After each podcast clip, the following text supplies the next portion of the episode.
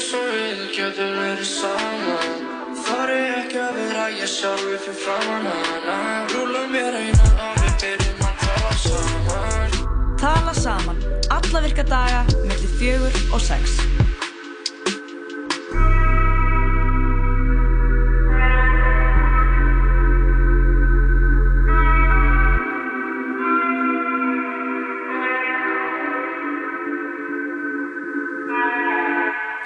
Góðan daginn, kæru hlustendur. Góðan daginn Ah. Góðan, uh, það er sýtið sattum að tala saman Jú, hann hefst hér hérna klukkan fjögur að vanda úr uh, stúdíón á Körskutu 105. Við erum Jú. mynda með þér, Lóa og Jói. Jú, jú, Eitur fersk. jú, jú Er það ekki? Jú, Já, ég er hefði ferskur sko ég líka sko. Við erum náttúrulega með marga spennandi gesti uh, í Mhm. þættinum í dag og byrjum á svo skemmtilegum gesti. Við ætlum að byrja að fá til okkar stórskaldi Andrasnæði Magnússon. Já, sem er uh, nýbúin að gefa út bók um tíman og vatnið Mikið rétt. og uh, er líka að sína svona eiginlega svona er, er, er að hósta svona kvöldstund með ja, í, borgarleikusinu sem var sínt í fyrstskipti eða þú veist sínt var haldið í fyrstskipti fyrir hvað, einhverjum einhverju viku, viku síðan Já, þetta er hann ásamt sko Högna Egils Já. úr Hjaltalín og, og, og Drengjakór. Já, og uh, þetta verður aftur held ég næstu helgi Það verður 22. oktober og svo 12. november. Já, við þurfum að fara sko Já, ég er eiginlega búin að ákveða að fara þarna 22. nótt. Já, Og um, ég náttúrulega er að lesa bókina, ég á hvað, einhverjar 20 blaðsjur eftir. mhm, Var að keppast við að klára hana en að Andris Nær kemur við tal. já, Búin að lofa að vera búin að lesa þetta.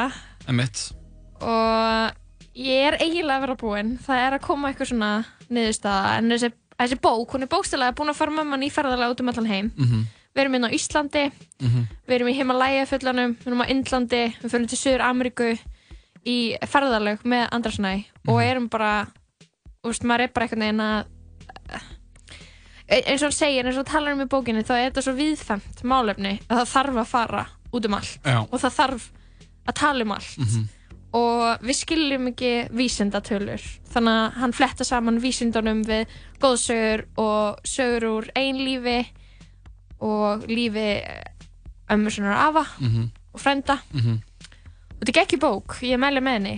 Og ég er alveg búin að sakka mér í hana sko. Já, og þetta er svona bók sem að veist, ég veit maður segir þetta oft eða kannski segir maður þetta ekki oft en svona bók sem er svona já, nú ætla ég að lætur mann langa til að gera eitthvað rótækt emitt nú ætla ég að breyta ykkur Svo fáum við til okkar hann að Tatjana Dís Aldísar dóttur uh, sem ætlar að koma hérna og segja okkur frá því þegar hún tók upp uh, David Lynch lífstílinn sem fælst í því að uh, stunda innhverja íhugun sem er svona aldagömmul uh, huglislu aðferð já, sem uh, ég var, er að klára námskeið í, Mhm. gamlega sem var því og síðan líka eitthvað svona eitthvað uh, hefur eitthvað að gera með eitthvað svona aðferð, aðferðafræði og matavenjur og já. hún sem sagt var í áfunga uh, í listafaskólinu sem heitir aðferði listamanns og þetta er til, tilengaðir aðferði einhverja listamanna og hún tilengaði sér David Lynch Mhm. aðferðir Mhm. en já, svo um þetta var hún líka uh, að prófa þessa innhverju íhugun og bara spjalla um hvað það er í Já, rauninni, já. útskýra það fyrir hlustendum og eftir það þá fáum við til okkar Þórildi Tinnu og hann Þorstein Eifjörð fyrir að koma inn á vegum Sequences listáttíðar Mhm. uh, sem er í fullum gangi þessa dagana í Reykjavík. Og þau ætla að segja okkur aðeins hvað er að gerast. Já, það er bara menning og listir og andli málefni í þessum þriðitast þætti af tala saman í dag. Já, það er Ge- bara pakkaður, pakkaður þáttur. Við erum meðal alltaf svo pökkuð hérna í þessum þætti. Ég held að, Já, er það ekki? Við erum meðal alltaf bara með hana hundra gesti í hvernig þætti og alltaf að taka stóru málefni fyrir og, það er stór málefni í þættinum í dag þannig að við þurfum að um, að ég veist hvað við þurfum það er svo gott að við séum með stóru málefnin sko, mm -hmm, mm -hmm. þegar við erum svo relatable og venjuleg. Já, já. En uh, það verður líka sjálfsögur bara top tónlistina hjá okkur. Eða hva, hva, hvernig verða að við myndum bara spila bot tónlist Bot tónlist, bara óvinnsalasta lagið með Chipmunk útgáfuna af óvinnsalasta lægi ásins 93 Já, Nei, við verðum með góða tónlist uh, þú skalt ekki hafa neina ágjur á því við sjáum um það ætla ekki að ágjöra því Uh, við uh, skulum bara dempa okkur í uh, lag. Já, og, og, og, og svo að lægilinu loknu þá var Andri Snær ritsöndi með okkur hérna inn í hljóðverðinu. Já, þetta er þeir vinnir Drake og Party Next Door. Lægið heitir Preach.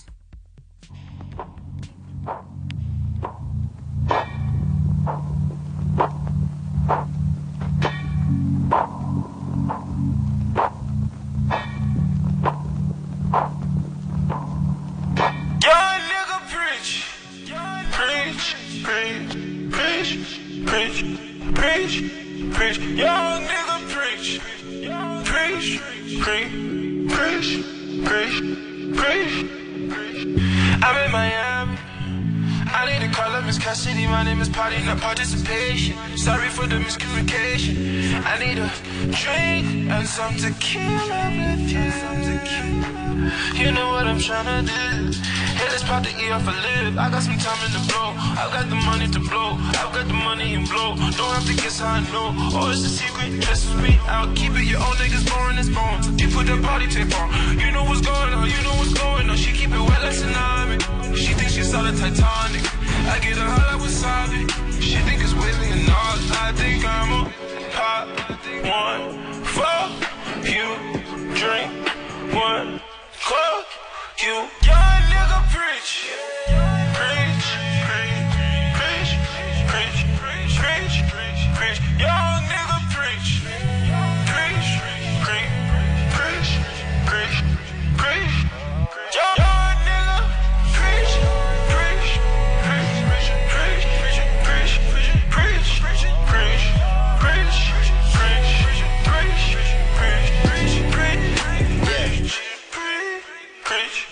Still in Miami. Most of these girls are too messy. I gotta do some reflecting. I gotta find me one out here that's good at taking direction. I am convinced that my calls are being recorded, so hit my assistant to get me the message and make the connection like. I'm on that way tonight. I hope you're not the crazy type, yeah. I'm in your state tonight. I might just break the bank tonight, yeah. P&D with the Ray Tay, you know J Ray got girls here going way, way, way, way, way, way. Saga City trip to payday, glowed up off a gateway, man. You can't afford me. Doing this one thing, doing it right is a whole different story. Niggas is all in their feelings these days, all in their feelings these days. But hearing the scripture with that many sixes, you should be afraid. Young nigga. Preach. Preach.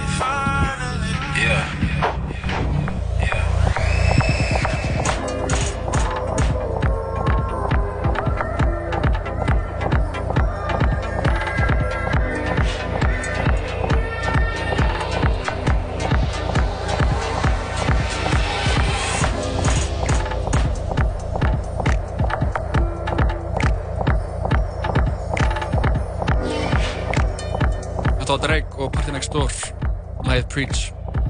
Fáum til okkur andra snæma, hún sem eftir öskamar stund. Fyrst er það þeir Slow Tie og Muramasa, lægið Dorman. How's business this morning? Pretty good. I made about 12, 13 quid and that was without not having any arguments with anyone. That's pretty just straight. If you're not, you're gonna get your head kicked in. Shoot the messenger,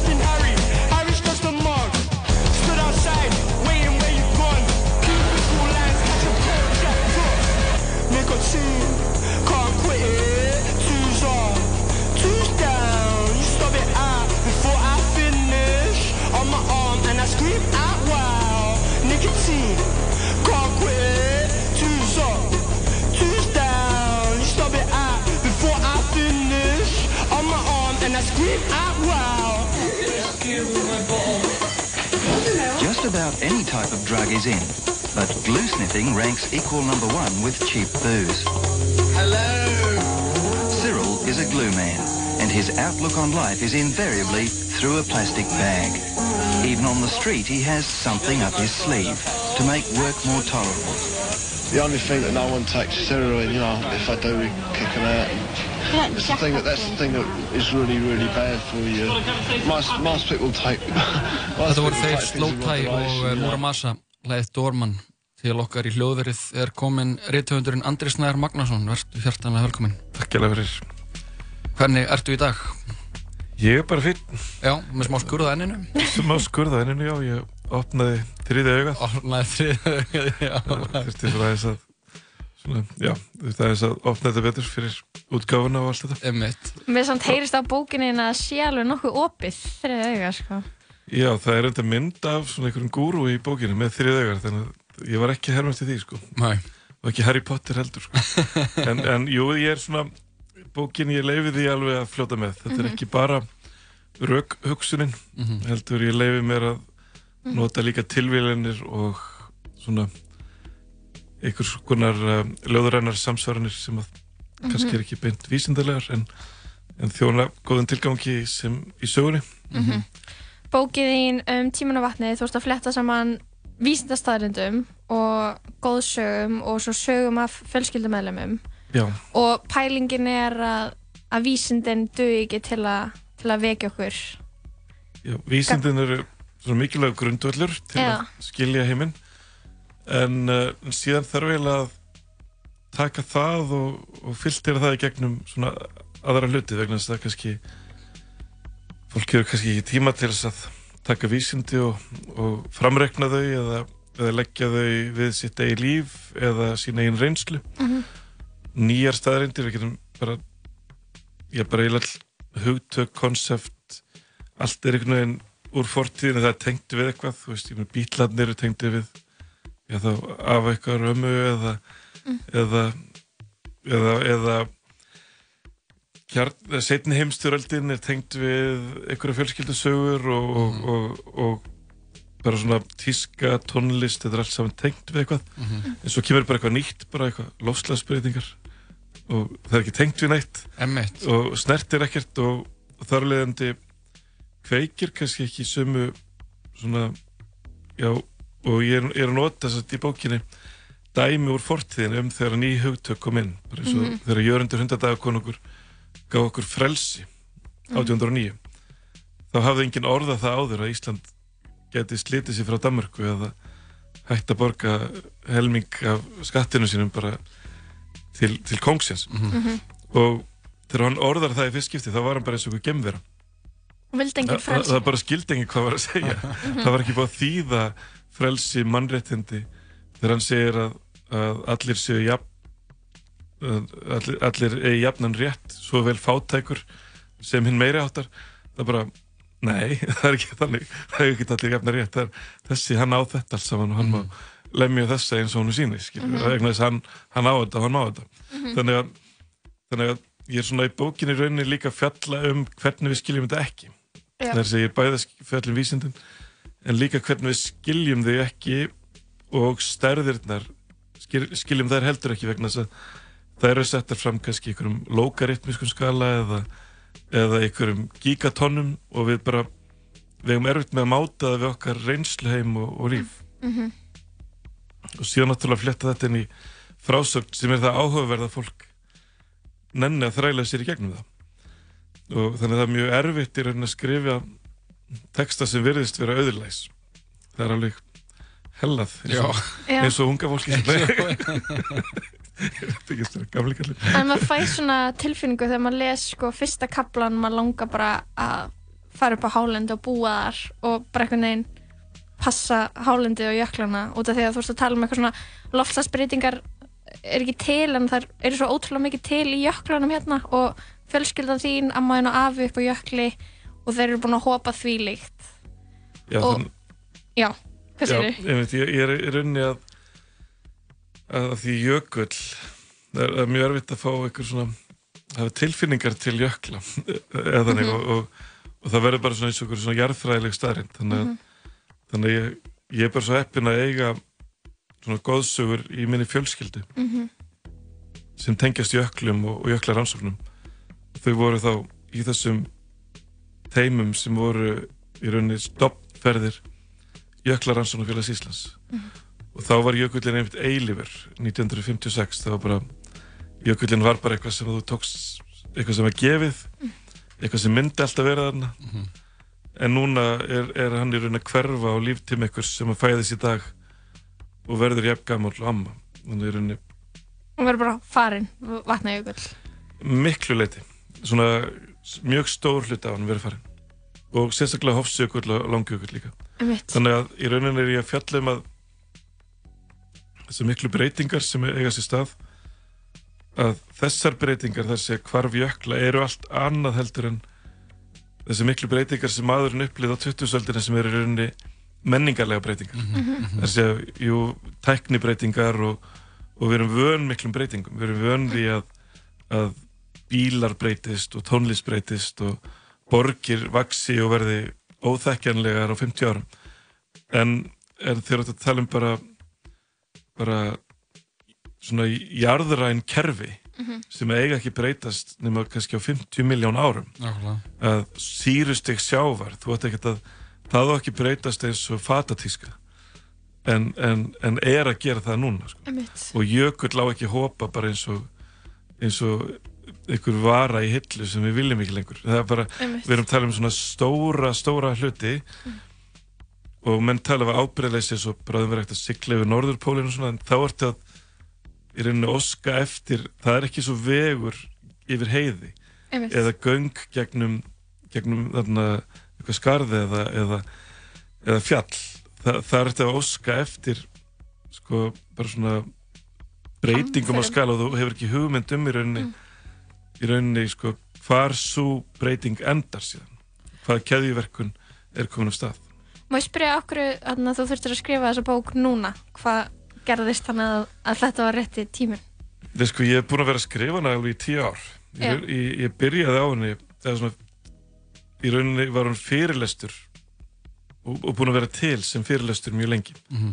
Og sem þú ferðast þá með að já, ég hef verið að halda henni fyrirlestur mikið erlendis, eiginlega meira erlendis heldur en hérlendis. Fyrir í Harvard og í Columbia háskóla og fyrir vísindamenn í, í Bretlandi og Þískalandi og viðar. Og þar fekk ég svona kvartningu frá einmitt bara vísindamennum sem sögðu að þeir voru svo pyrraðar á því að, að fólk skildi þetta ekki. Mhm. þeir, þeir komu kannski fram með staðarindir og, og, og það var bara meðhöndlað eins og skoðanir. Sko, þar sem að vísindi þar sem þeir komu bara með áralangar vísindilega rannsóknir svo kemur bara einhver á móti bara með já, mér finnst það ekki það, tekið var jafn allt í- gilt. og það var bara jafn gilt bara í einhverju viðtali bara já, já hérna, ert þú komið þessar 20 ára, eh, 100 ára rannsóknarkvæm, Mhm. já við erum hérna með mann á móti þér sem finnst það bara ekki og, það bara, og það er ekki að sama að finnast maður er að borga skatt eða ekki skatt Mhm. skilur, skilur, þetta er bara þetta er bara gögn sem liggja fyrir Mhm. og, og ég held að allir hafa verið lent í því að frendið er að senda þeim YouTube-vídeó sem á að sanna að, að, að jöklar sé ekki bráðna eða, eða jörðin sé einhvern veginn öðruvísi og, og svo spyr fólk það geti ekki náð ykkur í svona millilendingu? Þau þurfa að vera svona þurfa alltaf að vera svona polariserað þannig að það er eins og ég væri eins og stjórnufræðingur segði að jörðin væri hnöttur svo væri ykkur annar sem að honum fyndist jörðin vera flött vegna þess að samkvæmt hans einn reynslu þá væri hún það. Og millilendingin væri þá að jörðin væri svo þarna rúbíbolti það væri svona millilendi. En það er bara ekki þannig og, og það búið að eða alveg óskaplega miklum tíma í að ég myndi að rífast um hvort þetta sé gerast eða ekki og þetta er í rauninni alveg, alveg sára einfalt að bara CO2 það sem kemur þegar maður kveikir í einhverju þegar maður brennir kólefni hvort sem það er viður eða kól eða olja það bara er bara svona megin hitastillir jarðarinnar. Mhm. og án, án CO2 væri jörðin miklu kaldari og þannig að, þannig að þessi hitastillir er bara og þegar þú eigur magnið á því þá bara ert að auka orkuna sem ver, verður eftir á jörðinni. Og en það sem er flókið er rauninni reiknum hvað gerist. Já, þannig að í rauninni þetta er mjög einfalt eins og alkohól gerir þið ölvaðan og meira alkohól gerir þið meira ölvaðan. Það er mjög einfalt. En það má segja að spálíkanið er sem, við, sem er alltaf verið að deilum sko, hvað gerist, hvenar bráðna jöklarnir og hvenar rís hafið, Þa, það er flókið og það eru flóknustu tölfur í heimi sem rekna þá, þannig að það verður eins og svona það verður eins og að rekna út sko, árum fullur, hvenar kerir út af? Þú veist, hvort, hvort kerir á stöður upp á helliseiði eða þeir eru komin á höfn mm og eftir hvað marga drikki það, það er flókið og það er umdeilt hvenar það gerist. Eða, en, en hins vegar megin vísindin að við erum að þykta í kerfum sem að eru bara grundvöllur alls lífsokkar og að þegar þú keirir jörðina úr jafnvægi þá fara ferlar af stað. Það er í rauninni enginn sem veit nákvæmlega hvað gerist en við vitum að hún hlínar og allt breytist. Og það er bara þannig. Mhm. en, en hvernig allt breytist hvort að hér verði aðeins skárra í smá tíma en, en síðan bætast við bara gögn sem að sína þá að sírustík sjávar breytist og nær einhverjum mörgum sem að hafa ekki sést í 50 miljón ár. Þá, þá erum við farin að fykta í kerfum sem að bara sem að svona komandi kynsluður getur dæmt okkur mjög hart fyrir að hafa gert. Og munur mjög líklega að gera það. Og við gætum alveg orðið eins og bara þjóðverjar 39 til 45 við gætum orðið kynsluðun sem fólk ákveður að vera ekki að tala of mikið um. Já, já. Já. og öll okkar menning og allt sem við gerðum. Já við skulum bara ekkert vera að tala of mikið um það sem að af og amma voru að gera. Af því að það mun vera sveipað eitthvað skonar skömm. En hvað með hennan dóða sem þú talar um? Hefur einhvern tímann pælt, og þú veist að tala um og þú veist ekki endur alltaf sammála vísindamönnum? Því að þeir geta nota eh, það tungumál sem þeir kunna og þeir fyrir að segja satt rétt frá en svo tökum við þessum upplýsingum og upplifum bara eitthvað svona dóða og, og vil ekki gera neitt. Ertu búin að pæla mjög mikið í því af hverju það geti verið? ég, það er bara það tekur tíma fyrir nýjar hugmyndir að, að setjast og festast í sessi. Og í raunum að segja þessi vísindi það er svona fyrst fara að tala um þau fyrir 30 árum síðan. Og þá er ennþá vísindasamfélagi ekki alveg ekki alveg 100% og, og síðan náttúrulega eru alveg óbúslega sterk öfl sem hafa vilja að ruggla okkur í rýminu Mhm. og hafa ruggla okkur í rýminu það er bandarækjafósitið núna sem að sem að heldur að þetta sé blekking. Sem að bara telur að þetta sé bara eitthvað samsæri eða, eða og það eru þetta bara í, í rauninni hræðilegt og, og hræðilegt fyrir jörðina í hildsina að, að sá sem hefur kannski völdin og, og ræður yfir merkustu vísindastofnunum kannski háþróðsu tekninni og mestu fjármununum og gæti þróað samfélagið og, og, og heimsmenninguna í rétt átt og það, það náttúrulega síðan kannski fjölmiðlun kannski eins og ég segi þeir eru alltaf verið að tala 50-50 Mhm. þegar alltaf þeirra þetta var svona eins og þeirra samkynneður voru í náður fyrr það þurfti alltaf að fá Gunnar í krossinum til að, til að delir eitthvað á mótið því eða, Mhm. eða fá eitthvað sko, bara, og það náttúrulega tefur fyrir því að fólk fái hljómgrunn og þegar einhver er alltaf að svona kasta já, svona hella, hella sandi í tankin sko. þannig, að, þannig að og síðan náttúrulega eru við örglætt alveg ruggluð á vísindum. Þar að you know, hvers oft hefur maður ekki lesið að rauðvinn sé holt? Nei, rauðvinn er ekki holt eða þú ætti bara egg, nei, þú ætti ekki bara egg. Og þannig að ég held að samfélagslega höfa tilfinninguna að vísindi séu mjög reikul reikul fræði, það er að þau séu bara í dag finnst þeim þetta og morgun finnst þeim hitt. Og það, það stafi líka því hvernig fjölmiðlar hafa kannski byrt vísindi og, og kannski er líka bara menningin í raunvísindunum að raunvísindamaður vill fyrir allir muni aldrei hafa rangt fyrir sér. Þannig að raunvísindamaður hann, hann bara, hans bakgrunur er að segja hann getur ekki sagt eitthvað sér 100% hann, hann verður alltaf að segja við þurfum frekari rannsóknir. Mhm. og þó það sé 95% en aðrar greinar eru kannski miklu svona meira fyrir það bara fullir það bara og það getur verið hagfræðin eða, eða, eða verkfræði eða aðrar sem segir bara já, svona átt að vera. Þannig að meðan þeir eru alltaf línir kannski, segir bara já, það er mjög líklega mun jörðin hittna um 1,5 gráðu samkvæmt einhverju línuriti IPCC 6,54 þá bara þá virkar það bara ekki nógu staðfast til þess að fólk breyðist við en síðan er náttúrulega hagsmunahópar sem hafa líka ekki hjálpað til þannig að þeir hafa kannski talað skýrt en, en aðrir hafa bara sagt já þá missa 100 manns vinnuna í, í þessir atvinnugrein eða, er mitt. Við erum eitthvað komin á svo mörgum sögum komin eitthvað svona handan þess hvað er satt. Þetta er eitthvað svona þess að hagsmunir bara fara alltaf að spila inn í og eitthvað en hvað, hverju finnst satt er bara orðað eitthvað svona smekksatriði. Já, Facebook hefur ekki hjálpað til Nei, algoritminn er ekki að gera neina greiða. Ég fór að skoða bara afneitunarvídeóin og, og svo var bara tímalínin mín bara orðin bara afneitunar tímalína og, og áður en að ég kafaði djúft á þetta þá var ofsalega auðvelt að svona segja mér að já, hérna var kallt tímabil og hérna var heitt tímabil og, og, og þetta væri flókið þetta, en þetta er í rauninni ekki flókið í rauninni og það er búið að gefa núna út hjá saminnið þjóðanum að við þurfum að koma allir losun nýri núl á næstu 30 árum þannig rauninni öll starfsæfi okkar sem eftir er Mhm. öll starfsæfi þeirra sem eru í mentaskóla og grunnskóla fjallar um þetta mál að koma jörðinni í jafnvægi þannig að börn okkar, ykkar og börn þeirra sem eru í grunnskólum taki við netti sem er í ykkur skona jafnvægi Já. og það er stærsta skapandi áskorun sem í rauninni nokkur kynslu hefur kannski upplifað á síðustu hundra árum Mhm.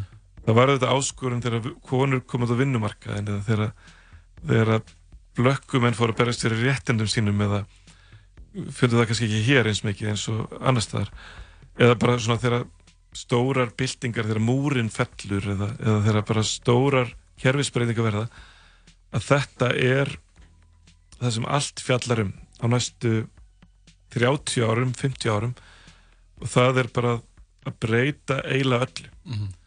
og það er bara alveg frá rótinu. Það er ekki hægt að segja hverju hvað á ekki breytast. Mhm. það er hvernig við klæðum okkur, hvernig við borðum Öll menningin okkar er hvernig við hönnum hvernig við ferðumst, er ásættalegt að fara þrjá dagar til útlanda? Eða munum við fara þrjá mánuði til útlanda Einmitt. þegar við förum til útlanda verður þetta endilega verri verra samfélag eða erum við kannski að taka burtu mikið af þessum óþarfa og mikið af þessu dóti sem er bara að valda stressi og óheilbriði Mér finnst alltaf að maður talar um þetta þá er alltaf eitthvað sem spyrir mann já, þú veist það er ekki nóg að vera vegan og, þú myndir aldrei vilja eh, ekki geta keirt bíl og þú ert alltaf í útlöndum og nú, þú, þú, þú veist það er alltaf eitthvað svona verið að reyna að hanga mann á því að þú veist annarkvæmstu maður sem einstaklingur sé að valda svo miklum skada eða að þú veist þú, það er hvort það er ekkert sem maður getur gert skilur og maður er einhvern veginn til þarna á milli. Þetta er, þetta er á, ég, ég er ekkert að svona rauna yfir flugmann ef ég hitti flugmann sem vinnur við að fljúa Mhm. en, en, en það er fólk mjög ofta að hanga og þetta breytir líka bara þetta er svona forsendubreiting, þetta er svona viðmiðaskipti eða paradigm shift sem er sest bara inn í miðina og við erum ekki ennþá búin að fatta það. Og, og það bara þarna er bara komið nýr nýr vinkill sem er sem í rauninni fjallar mikið um hvað er rétt og hvað er rangt. Mhm.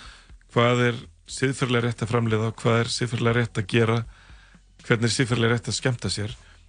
Og við erum öll einhvern veginn í þessari súpu. Og, og ég mitt einhver er kannski vegan en þá er kannski er þetta eitthvað avokado sem hann flóið inn eða eitthvað, veist, er, og við erum öll að reyna að fóta okkur í þessu og þetta snýst líka um stóru kerfin, þetta snýst ekki bara um val einstaklinga heldur hvað ríkistjórnir ákveða, hvaða alþjóðlegur er sett, Mhm. hvaða hvað, hvaða hömlur eru settir á, á stórfyrirtæki Mhm. og sem síðan er mjög flókið vegna þess að það er ofsalega auðvelt að segja að við verðum að stöðva neyslu en, en hvað því að loka þessari verksmiðu hér í þessari borg. Og þá verða óerðir þar og, og uppþátt vegna þess að fólk vil ekkert missa sitt lifibröð og við erum Já, það er bara að búa gulu vestin í Fraklandi Já, gulu vestin í Fraklandi eða eitthvað. Og, og þannig að þegar jú, ég frábært stöðum neyslu og hættum að kaupa hérna, bækur. Það er það ekki gott fyrir mig. Að hættum að kaupa fött og, og þetta er bara og þetta er í rauninni tilvistakreppa sem er svo djúb að við eiginlega eigum bara erfitt með að ná höfðinu utanum hvar hún byrjar og hvar hún endar Þú veist, mér, mér langaði bara að hætta í vinnunni og flytja, þú veist, í heimalægafjöldin. Skilur, Himalaya. þegar las þessa bók. Ég er bara, ok, um, ég þarf hvort þegar að breyta öllu. Það er best bara að hætta í vinnunni, flytja til útlanda og bara lifa þanglega verður óhjákvæmulega heimsendir eftir 30-40 ár. Já, ég, ég held að að ekki þú þarf- það? Sittum að laga. Já, svo negli ég laguna og, og höldum áfram að spjalla um andra eftir öskum og stund. Þetta er... Kemur von eftir lagið. Já, þetta er eftir lagið. The Rapper, lagið No Problem. You don't want zero problems, big fella. Yup. If one try to stop me, it's gonna be some dreadhead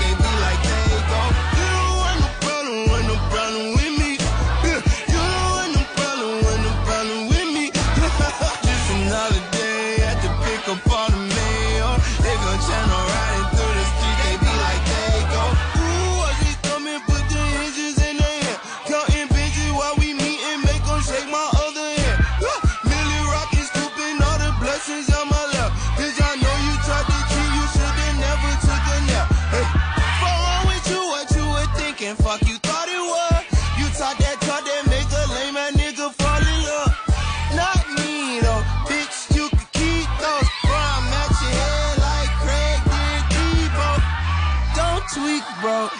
It's never sweet out. My shooters come for free, so if one more label try to stop me, it's gonna be some dreadhead niggas in your lobby. Huh, huh. You don't want no problem, want no problem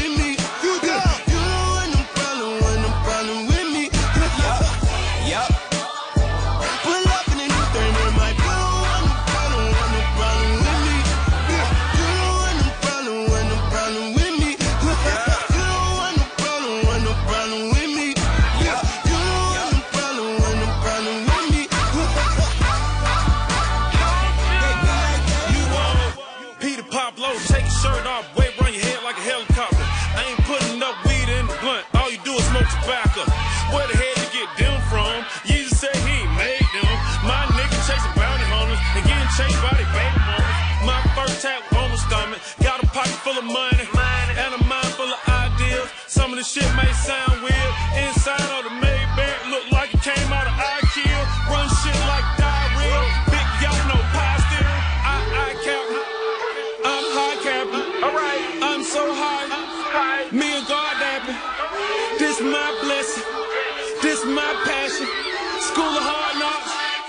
Electric Night Classes.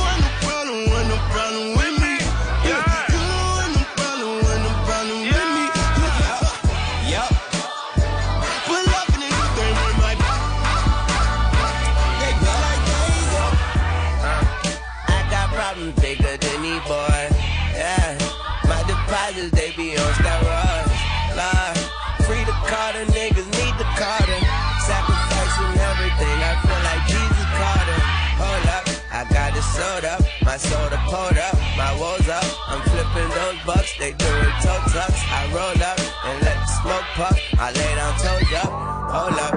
Get too choked up when I think of old stuff. Move on, put my goons on, they kidnap newborns. In the streets, my face a coupon, her pussy too warm. All these bitches come to do harm, just bought a new charm.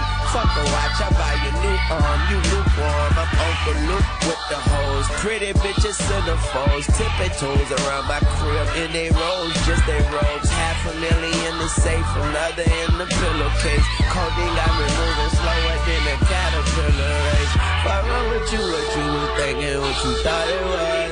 I just pop out Percocets and only caught a buzz. And if that label try to stop me, they gon' be some crazy Weezy fans waiting in the lobby. No like baby. You want want with me.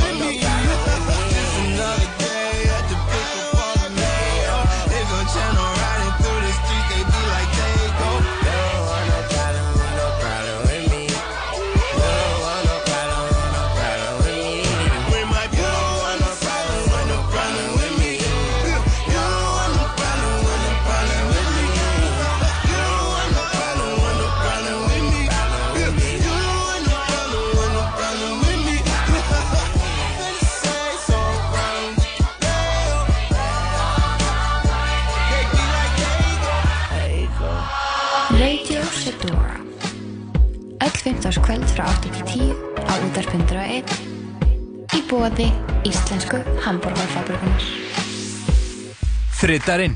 Þessir hörðustu vita nákvæmlega hvað ég er að meina. Dominós. Eins og boxbardagi tveggja stórleikara. Yngvar E. og Hilmi Snær saminast loksins aftur á hvíta tjaldinu. Hvítur hvítur dagur. Komin í bíó. Hamburgerabúla Tómasar, þriðudagstilbóð, þriðudagstilbóð. Hamburgerabúla Tómasar. Nings, nings, nings. Kíktu við. Nings.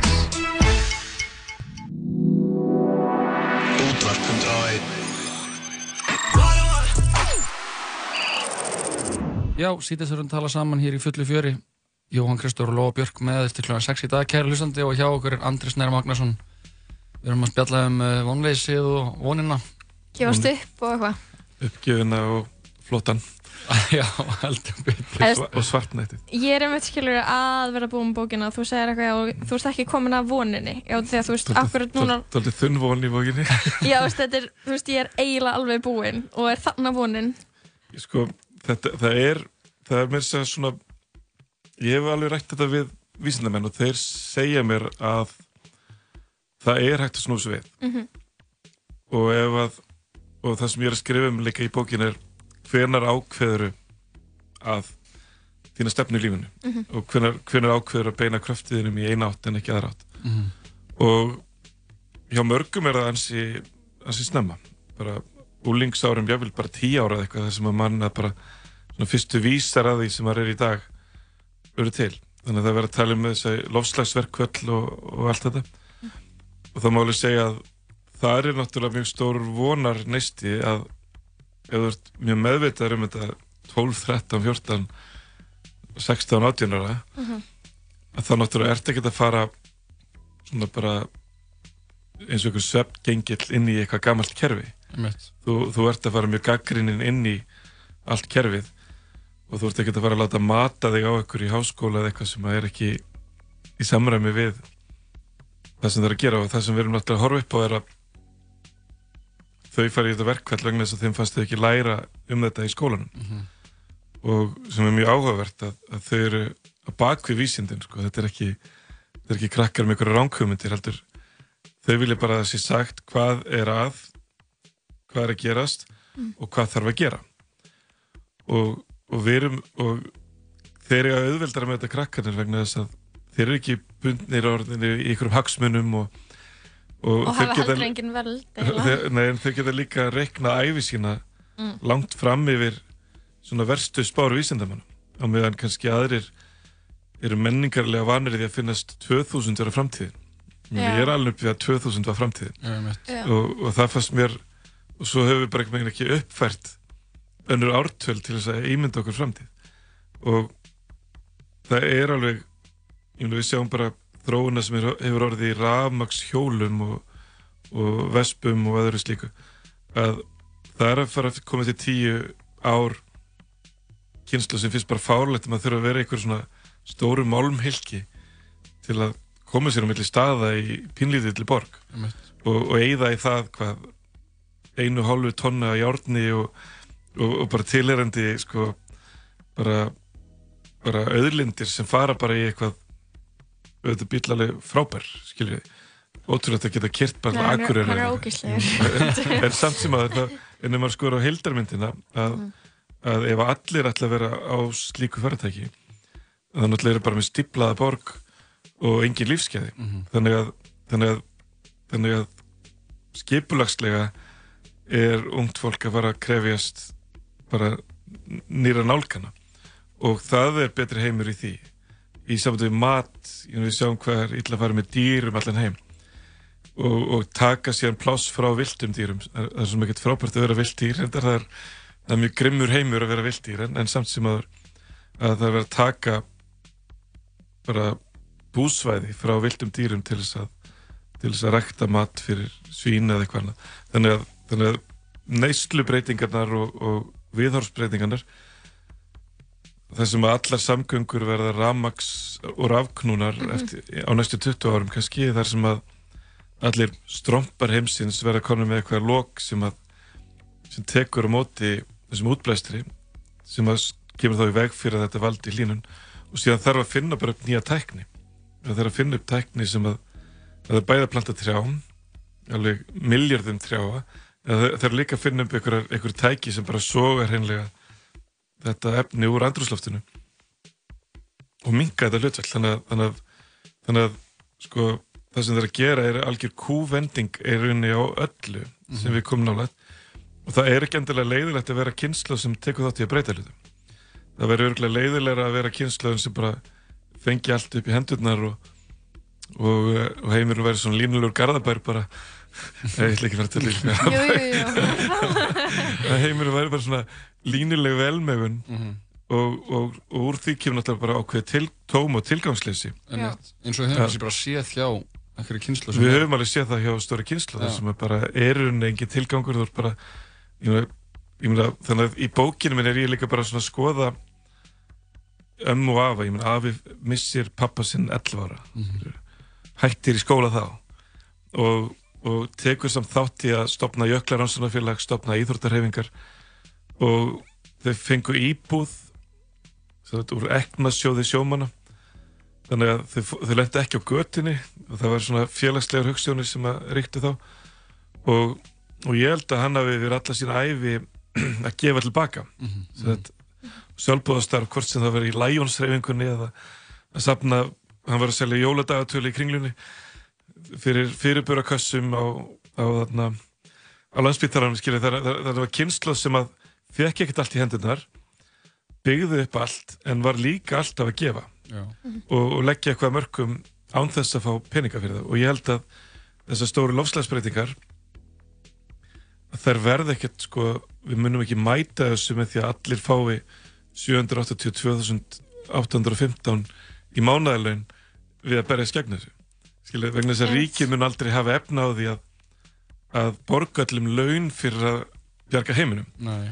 vegna þess að það bara er svo stórt verkefni. Þannig að við verðum að fara að sjá örglega svona einhvers konar sjálfbóðalega starfsemi á mjög mörgum sviðum hvort sem það er í skórækt eða, eða bara, bara í, alls konar félagslega hrefingar þurfa að vera til sem eru að íta málum til, ég vil bara ég vil bara endur hana hluti og endur hugsa þá.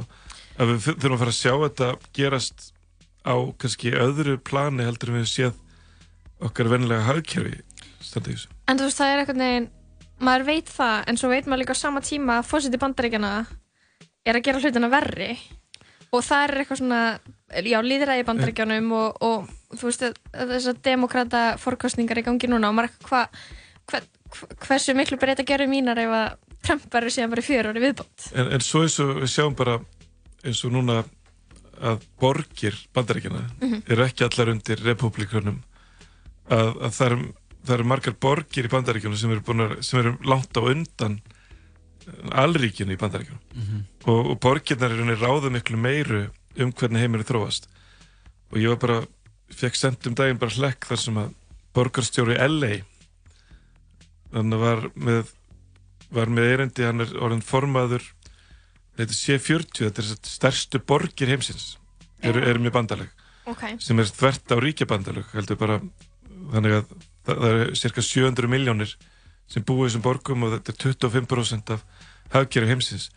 Og þessar borgir að tala um bara svona green new deal það er að það er að tala um að verða kólefnisfríjar á næstu 30 ára og hann las þarna svo ég mondi mig hann, hann endaði að lesa textana af okplattanum Einmitt. þess að við vitum hvað er að gerast Mhm. og við vitum hvað er að gera hvað þarf að gera og aðeins þú veist hvort við gerum það þannig, að, þannig að mér fannst það mikil svirði að, að sjá að eitthvað sem ég skrifaði í sumar var að komið fyrir ups, komið í, komið í borgarstjóra uh, borgarstjóri LA var, var að tala þessum nótum. Mhm. og, og síðan að nota það til að leggja út á einn róttækjari hátt um, um í rauninni að næstu tíu ár væru svolítið ár sem að ráða dálítið mikið úrslitum um hvernig fer með þennan lofslagsvanda hvort að við missum bráðnun og, og, og alls konar ferla bara í ójafæg Einmitt. það er líka alveg, eða þú veist, maður hugsar LA, það er líka svo, það er svo mikið traffík þar. Og hún er svona störtlu bílaborg. Störtlu bílaborg. Og maður, einhvern veginn, það er svo erfitt að sjá fyrir sér þú veist, en þeir alltaf að vera Já, að, já, þú veist, já, allt þeir- í rafmagn eftir 30 ár. Já, þeir segja það. Ég meina, það er, það er bara, það er, er markmiðin sem að sem þessar borgir hafa sett sér. Mhm. Og þá þurfa þær að vendilega endurhugsa elling, elling og kannski er þetta mikið í kæftinu það og, og kannski er þetta ekki hægt í einhverju kapitalisma þar sem að, þar sem að ríkið hefur engin, ekkert fjármagn en, en allt byggist á því að stórfyrirtæki vilja eitthvað. Mhm. Þannig að ég er svo sem ekki að leggja til neinar ég veit ekki hvað galdra hugmyndafræði ræður við þetta en ég gerir mér eitthvað grein fyrir ég gerir mér eitthvað vonur um að allir heimurinn verði komin á sömu hugmyndafræði eftir 30 ár já. af því að við erum Nei, alltaf við sjáum hvernig bandaríkin eru eftir sömu línum bara og í þrælastriðinu Mhm. hvar, hvar er þið kjósa ég gerir mér enga vonur um að að, að einhver svona ný byltingakent hugmyndafræði mun hafa náðu völdum í öllum heiminum sem síðan lagar þetta en, en ég sé þetta miklu frekar fyrir mér sem áskorun sem að menn muni reyna að mæta mjög víða mörgum stöðum og þar sem það tekst þá munum við herma eftir þeirri þeirri þarna, þeim árangri eða, mhm. og kannski verður þetta bland af teknilegum félagslegum það er allir að býja eftir að Elon Musk kom með svona töfrapillu bara tekur einu töfrapillu og þá lagast þetta en, en þetta er bara miklu, miklu stærri en það Já. Verður aldrei reyður, svona vitandi það sem þú veist og, og stundum mætir bara svona, eins og mér finnst þú svara svo mörgum hlutum hérna í bókinni og svo svara pælingunni, þú veist eitthvað uh, eitthvað svona vísindamenn vil ekki vekja ótta hjá fólki og því að þá gerir ekki neitt og því að þú veist kvíðin þá gerir ekki neitt. Og þú veist svona aðeins að ferru hver því að bara, jú, þú veist fólk áskila að heyra sannleikan ekki, þú, eitthvað þannig, skilur verður aldrei reyður og bara svona nennið að hlusta. Ég held að maður myndi aldrei fara í krabbabens með hjarta uppskurð ef að vísindumæðurinn vildi ekki segja Eða læknirinn. ef, læknirinn vildi ekki segja þannig að maður spyr af hverju vildi fara, fara í hjarta uppskurð já, bara, þú veist bara svona allur öryggis. Þú veist, hann verður bara að segja, já, það fer ekki þennan uppskurð þá er bara döður Já, já. Skilur, og þetta verður kvíðin yfir því Já. og, og þetta langar mig ekkert í aðgerðina. Það en, að en, en ég myndi ekki gera það nema hann segði mér að um líf og dauða væri að tefla. Mhm.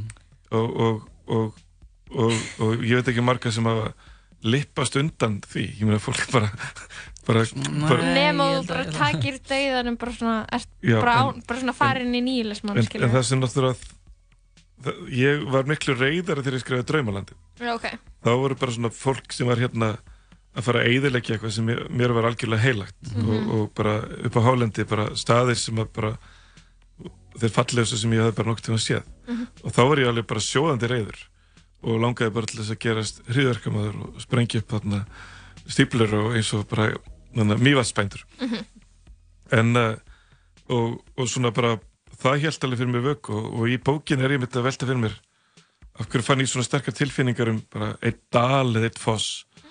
En þegar við erum með alla jörðina þá þá er það bara einhvern veginn allt öðruvísi vegna þess að maður er líka svo samsegur Já, mitt. og, og en líka kannski í þessari bók er ég kannski meira það kannski meira sorg heldur en reyði Já. og eða svona það er, er allt það- Angurværð. meiri angurverð Mhm. eða sorgbliðinni þess að heitir að færi sko að, að, að, að ég er líka að skrifa hana miklu persónulegri þannig að á meðan ég skrifa hana þá er ég kannski að missa ömmur og afa Mhm. og, og, og ég er að leggja inn í rauninni svona mikið hjarta í bókina vegna þess að hugmyndin er svo að ég get ekki tala um framtíðina og tilfinningar mínar til fólks í framtíðina sem er ekki til en ég get skrifað um tilfinningar mínar til fólks sem að eins og ömmur mínar og afa og í stað þess að skrifa um bara um framtíðarkynsluðar þá get ég varpað þessum tilfinningum einhvern veginn fram í tíman þannig að ég er að tala um hv- hvaða tíma getur maður snert með berum höndum og eins og hver er þið fætt? 93. 93? Tvö, þrjú. 92, þrjú, já. já. Já, þú veist, þið eru, eru þarna, þið eru nýræð, þú veist, 2082, Mhm. og þið er kannski uppáhalds tvítugan afkomenda eða, eða eitthvað sem er með ykkur í hljóðverinu sem, sem, að, sem að er fættur 2062 Einmitt. og svo manneskja er enn á lífi árið 2152 Ef þú segir þessa hlut og ég hugsa bara nei, það verður enginn á lífi þá. Jú, jú, það verður fullt á lífi þannig að Ok. ég, ég sko, og svo fer ég í gegnum í bókinni hvað menn hafa áorkað á 30 árum þegar þeir virkilega vilja það sko. já, já, og, og hvað við náðum að skala upp eðileggingu í setni heimsturheld sko bara eðileggingar mátt Mhm, mhm. hvort sem það var í kjarnorkusprengjum eða, eða flugflota eða öðru ef við höfum syngt að bara kannski á fimm ára tímabili náðum við bara að gjörbreyta öllu Mhm. og, og þar náðum við að leggja Európu í rúst og byggja henni upp aftur á tíu árum skilur við með öllum teknifræðferðunum þannig þannig að vandin er kannski að svona þessi hæg eldun sem á sér stað að, að þetta er ekki svona lofsteit sem er að koma og við getum búið til eitthvað tæki sem að sem að stöðvar hann. Heldur, heldur við verum samdöina og verum samsek og verum samháð og verum, þú veist allt í hennu, þú veist já, er lambakjött svona mikið og afi minnin og bóndi hérna fyrir lóðan, ég vil ekki hann hann vissi lísi veðri sitt og, og já, ég er nú alþjóðlegur höfundur ég, ég þarf nú að fljúa svolítið, sko og, og, og, og það, það verður svo mikil træða og, og, og en ég held að og ég held að sko, ég hef oft svona notað þetta að það má eiginlega segja að ég sé að skrifa bók gegn þrælahaldi en ég er samt með þræla sko. Mhm, mhm. Já. og ég veit alveg ég á ekki að vera með þræla en, en þannig bara fæðist ég inn í eitthvað kerfi og ég bara ég er alveg á móti því en ég er samt með þessa þræla. Já, og, og við erum einhvern veginn á þessum stað sko. Mhm. að við erum rosa mikið á móti því en, en fyrsta skrifið er allavega átt að segja á því og, og byrja Við erum búin að vera svo lengi í fyrsta skrifinu. Við erum búin að vera er aðstóð lengi í fyrsta fyrsta. Já, þannig að við þurfum að fara svona þrællin er inn í jörðin okkar sko. Og, og, og sem er samt móður okkar Já. þannig að það er ekkert að fara vel fyrir okkur ef við þarna náum ekki utanum þetta Kannski aðeins svona að lokum uh, Þú ert með sýningu líka í borgarleikusinu eða kvöldstund eins og þetta heitir, Já. kvöldstund með listamanni Já. Hvernig kom það til? Ég er náttúrulega búin að halda þessa fyrirlestra Þú er búin að halda þetta náttúrulega eins og segir mjög oft og þetta er, oft. þetta er svona eins og blanda af uppistandi og, og Svona loftslagsmál. uppistand. það er alveg stundum fyndið sko. já, já. og svona hugvekja uppistand þetta er frásögn, sögustund þetta er bara gamla frásagnarforni bara maður stendur á sviði Mhm. og segir sögu í klukkutíma Já. og, Upp og, já. og ég fengi alveg rosalega góð og sterk viðbröði næst, og Högni Eilsson síðan kom til við sig mig og, og við vorum saman núna fyrir viku síðan upp á sviði í borgarleikusinu og verðum síðan aftur 22. Mhm. oktober Mhm. og síðan uh, erum við Ho- í Hofi á Akureyri 2009 og þannig að þetta eru verða nokkuð sýningar Ok. og fólk bara gaf mér mjög svona stert og gott feedback við þessu þetta er svona, ég veit ekki alveg hvað þetta er þetta er svona, einhvers að þetta verður eins og eins og leikin, eins og, eins og heimildamind á sviði Mhm. Já. eða, eða eins og því ég er líka með einhver svona kvikmyndabrot og, og, og svo er líka fyllt af tónlist Já. þannig að það er svona spilað allar strengina Ég meina, mér finnst bara flott að sé þetta að lesa ef að, ef að, og því að bókin er einhvern veginn ekki miðl allra. Skilur, það get ekki allir sest niður og, og lesið. Nei og líka þetta bara bætir við ég er að Já. segja þarna frá, frá einhverjum ferðum upp á Hálendi 1943 Já. og svo á ég bara svona efni sem tekist í sem að ég get ekki eftir í bókinni Einmitt.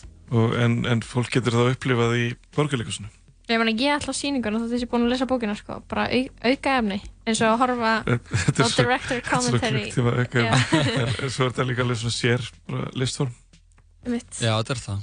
Og það er bara gaman að, þú veist, að taka þetta mikilvæga málefni bara inn á sem flesta þetta er til. Erlendis sem svona one man show það, það, það heitir það. það það er til svona ekki einleikur heldur svona one man show sem, Já, er, já.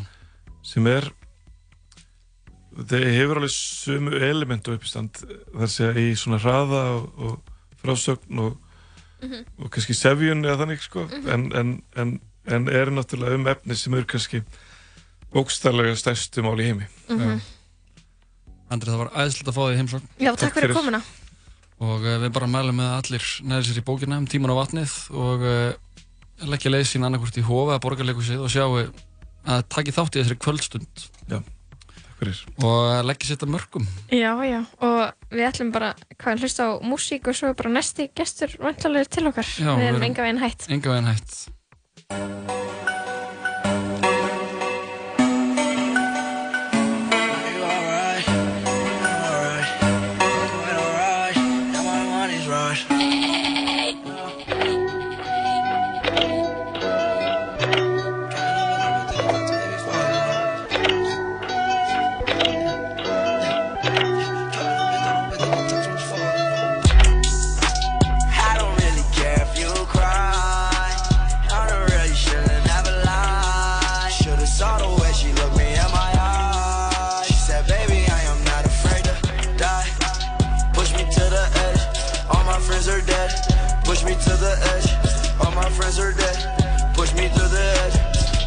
Friends are dead. Push me to the edge. Phantom, that's alright. Inside all white. Like something you ride a sled. I just want that head. My brilliant, I'm mad. A brilliant, her man now. Everybody got the same swag now. All the way that I chat now. Stacking my bands all the way to the top. All the way to my bed falling over. Every time that you leave your spot, your girlfriend call me like, come on over. I like the way that she treat me, gon' leave you, won't leave me. I call it that Casanova. She said I'm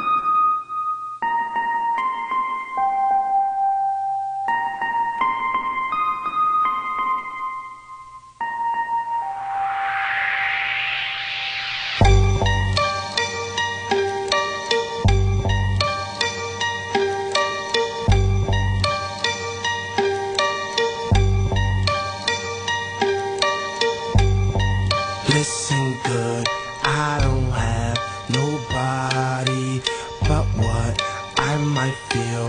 All the sounds of sanity, hoping what I hear loops itself continuously. Then I won't be afraid. No, no. Why must it feel so wrong when I try and do right? Do right.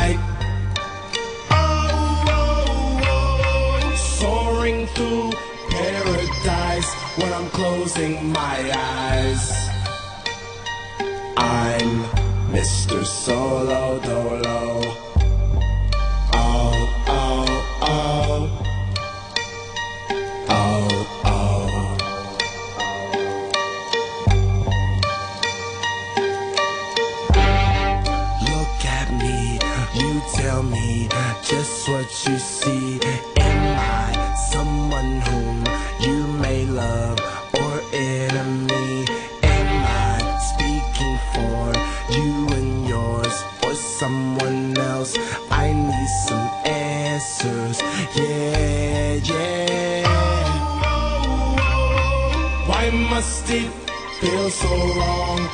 Try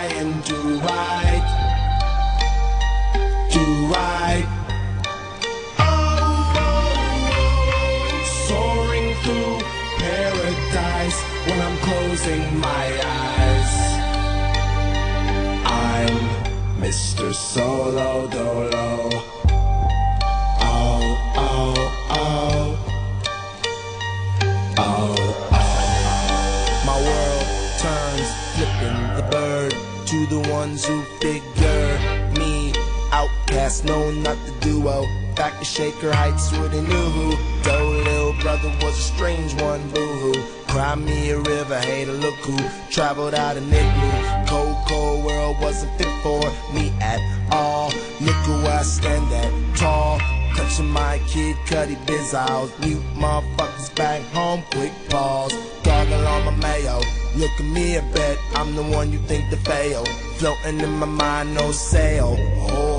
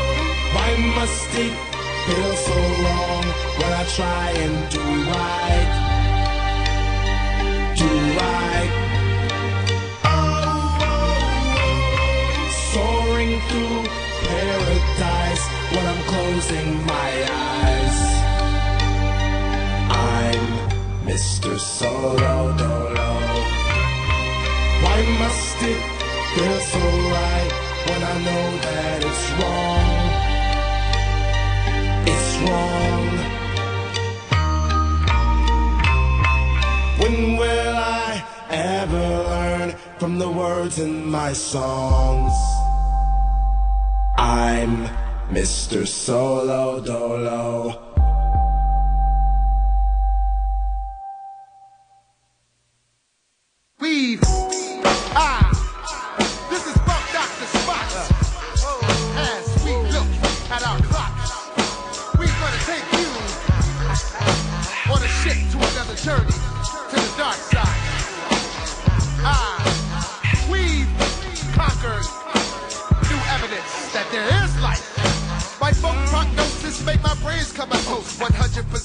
100% funk runs bloodstreams through your nose. I don't have to be Madonna to make your eyes freeze. Visines for eyes when you smoke the Thai weed. For this, you need a journalist, scientist. Keep your eye in this. Já, við vorum að hlusta á uh, lagið Solo Dolo með uh, Kid Cudi og uh, hérna undir heyru við uh, Redman Vorum Við vorum að kæða hann Andra Snæ vorum að kvæði Andras Negi Magnússon sem var að segja eitthvað frá nýjustu bókinni sinni um uh, tíman og vatnið Og sýningunni og sýningunni sem er í borgarleikusinu Upp úr samnefndri bók. upp á samnefndri bók. Uh, en við erum ekki hægt, það er komin næsti gestur inn í ljóðverið. Tatjana Dís Aldísadóttir er sest hjá okkur.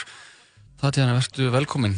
Já, takk fyrir, takk fyrir að fá mig. Já, takk fyrir að koma. Er ég bæði vegi er Aldísar, ekki dóttir? Aldísar, já, ok. Ég, las ég í gæðir að bara uh, svo að eða þú veist ekki sko kynsegin fólk getur bara verið án dóttir og son.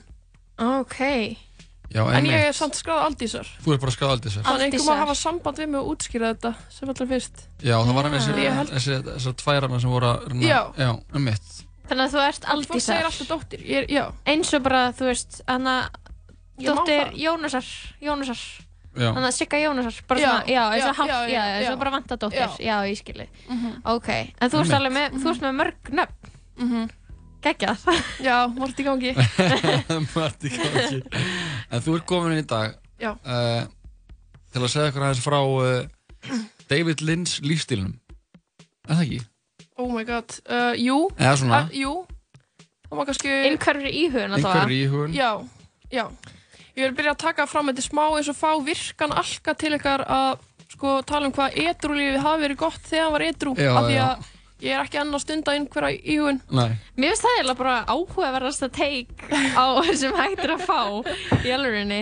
Já. Eða þú veist, uh, já, þannig að Jói er, á, er að klára námski innhverfri íhugun. Einmitt. Vo- voruð þið- á sama stað? eða? Mjög spennt að heyra Já, þetta er hann upp í Borgar- Borgartúni já. Það sem mér er svo áhugavert er að Jói sagði að, að David Lynch væri sem sagt uh, svona mikill frömur í þessu Mhm.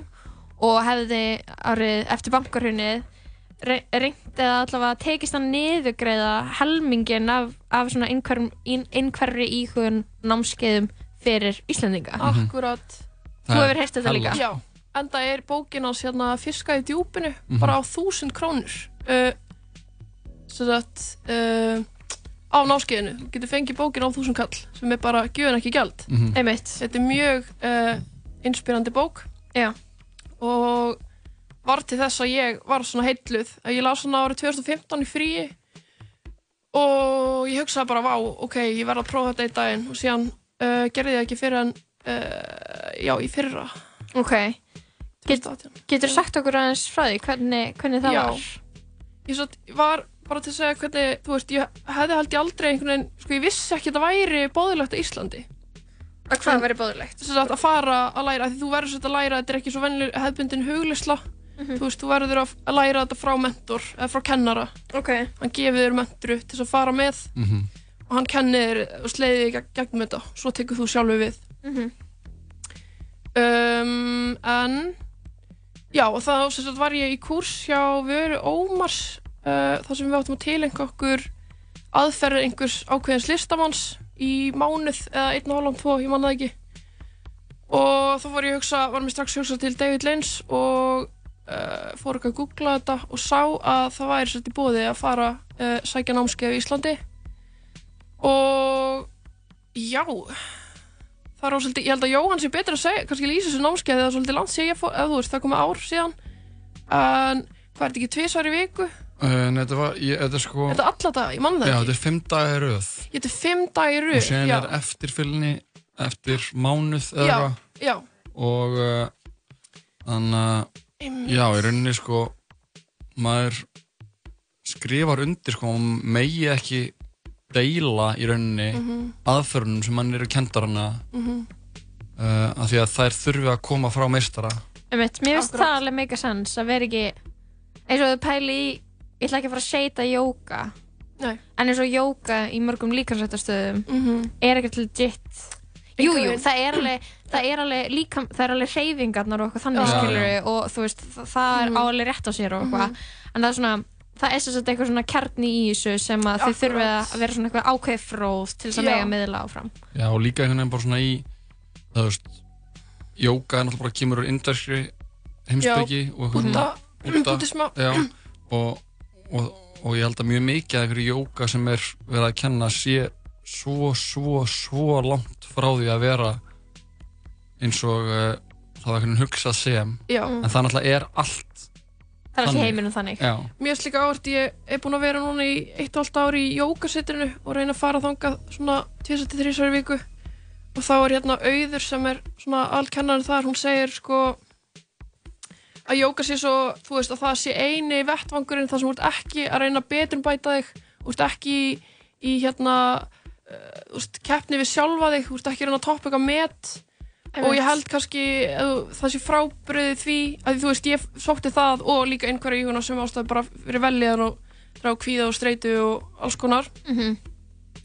að já, þú ert þar meira sko uh, já, fyrir þína eigin veljan en ekki, þú veist, eins og kannski í hotjóka til þess að verða liðugar eða eitthvað þú veist, Já, það, er- það er ágóðið sem fylgir með en þú, þú Það er ekki sjálfu nei. Já, einmitt.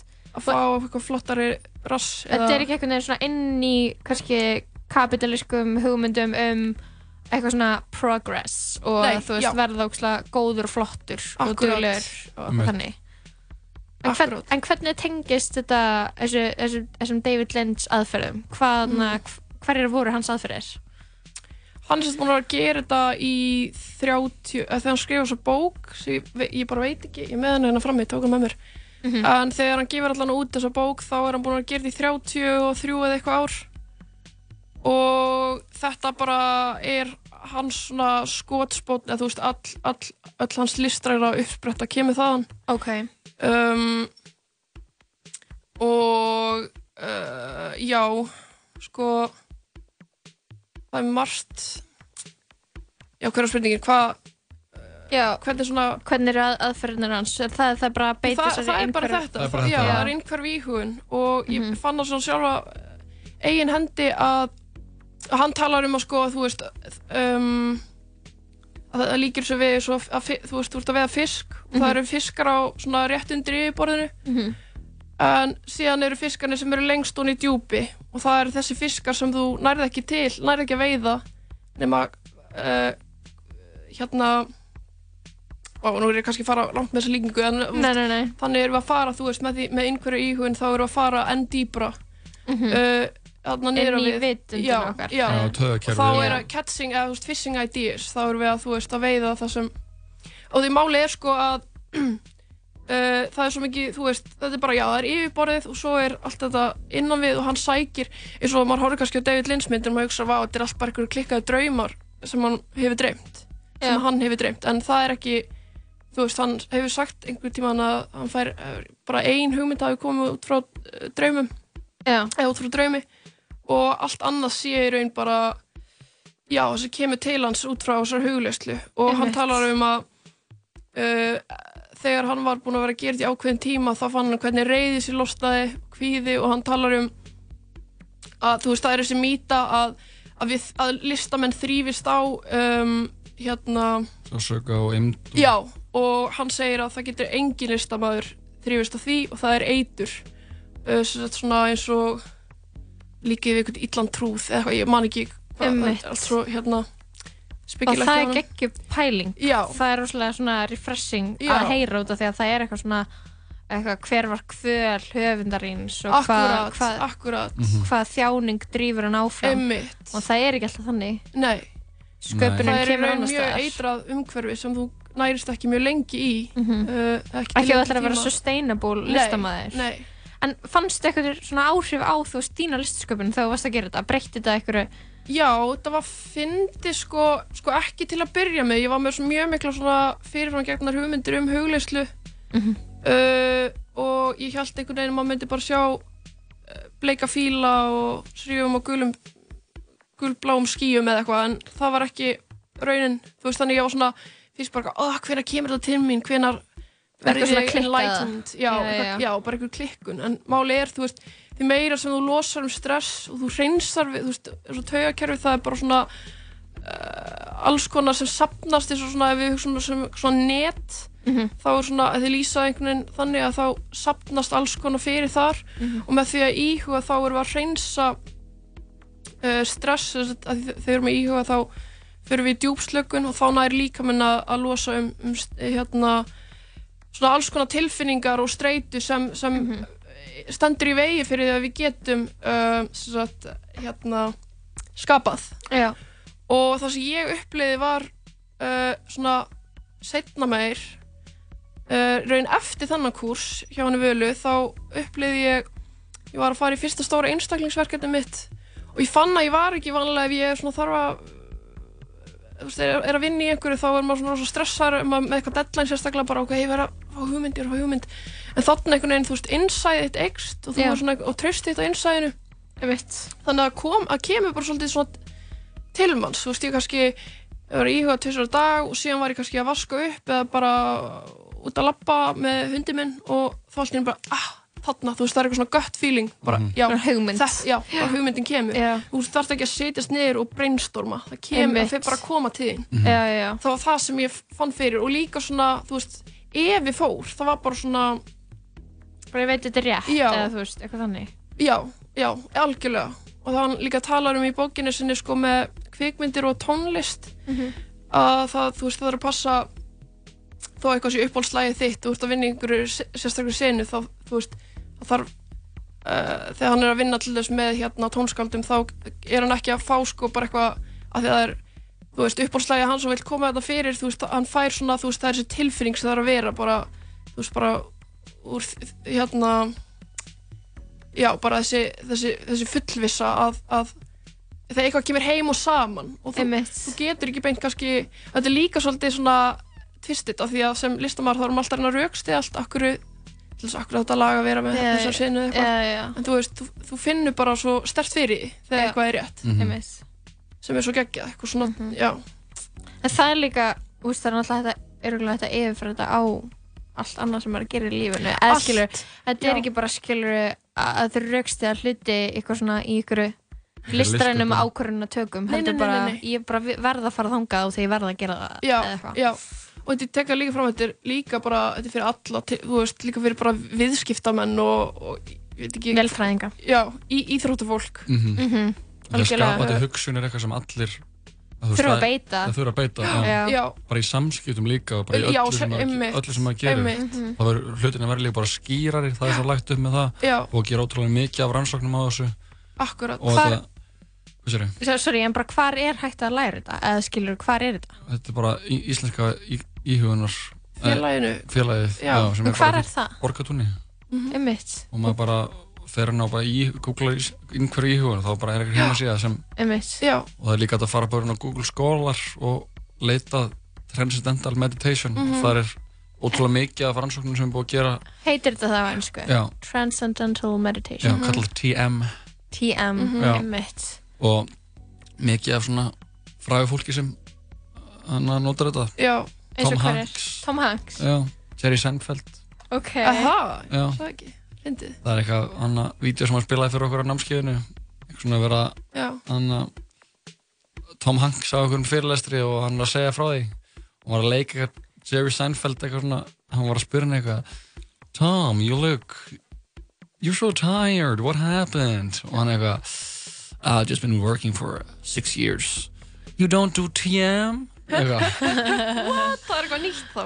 Á, geggja. Ég man Já. þetta er svolítið svo ganga inn í sko köld að fara ángað. Það er hérna, mann er sínt svona myndbönd af hérna Maharishi gúrúin, þess að frumkvöðlunum Mhm. uh, á, Sem svona- á, á DFD, þú veist, þið setja svona DFD-disk. Ég ætla samt ekki, ég veit ekki, ég hrætt bara, að tala- veit ekki hvort Hva, ég hversu mikið má segja? Ég veit það ekki, nei, ég mæli bara með allir hérna Tjekka á þessu. já, ég get alveg tekið þetta Þetta er, og eins og þú veist, David Lynch eh, segir að hérna, þetta er bara besta sem getur komið fyrir þig Mhm. og hérna Við ég erum- trúi því Mm. Einmitt. Við erum alltaf búin að segja hver David Lynch er. Hann er leikstjóri, kvikmynda og þáttaleikstjóri. Já, hann er og bara- myndlistamæður, myndlistarmaður, tónlistamæður já, hann er bara yfirburða listamæður Já, hann er bara í öllu. betri Ég vissi það ekki. listam, listamannum, já og ymmit og hann hérna er sko var fyrst og fremst myndlistamæður og síðan heitlast hann að kvikmyndum eftir að hann sá eitthvað svona hann var, uh, sá málverk horfði eitthvað málverk og sá það hreyfast og heyrði eitthvað svona hljóð. Og þetta var eitthvað svona hann tekur það fram að hann ekki verið á eitilifum en þá var fyrsta skipti sem hann sá svona vá, ok, hvað með hann hafði, ein, víst, engan áhuga á sko kvikmyndum sjálfur, en hann þá fór að hugsa sko bara vá, hvað er málverk getur hreyfst? Og það er svona já, svona þannig sem að hann uh, kom til með að fara að gera kvikmyndir. Mhm. Ok, gæðvegt Já, við mælum með að fólk Anna, Þetta er nýja Þetta er waveið. það er ástæðan fyrir við erum já, hérna. þetta er nýja wave vikunar Það er innhverju íhugun Algjörlega, herru, Tanja, Tanja, takk hérlega fyrir spjallið. Já, takk sem er leiðist, takk fyrir að fá mig. Já, bara gaman að fá þig og við mælum með að fólk uh, lítið inn á við. Jú, jú, við mælum allan daginn með því. Já, við uh, höldum áfram með þáttinn fáum til okkar fleiri gesti eftir raskamar stund. En uh, fyrst smá tónlist. Þetta er listamæðurinn Drengur, lægið lengra en lengst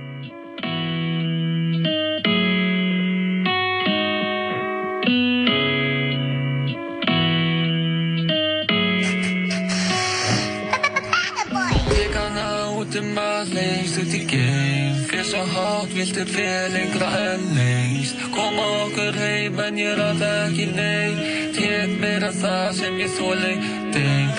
Að út um að lengst út í geim. Fyrir svo hátt viltu fyrir lengra en lengst Koma okkur heim en ég ráð ekki nei Tek mér að það sem ég þóli deng. Þólimóði búin að vera að gera þetta í aldir Ég er ungur en andinn hann er eldri Kútanir með valdi ég var yfir, ég var valinn. Og með þessi tímabil ég var alveg farinn. Sérum mig passar að ég komist ekki í eldin Sérum bröði, ekki að þú fyrir smekking Gæla maður samt ekki farinn. Vissur kann ég, hún er þannig kann ég glæpa illa tamin En ég er ekki lengur dregur er að vera manni.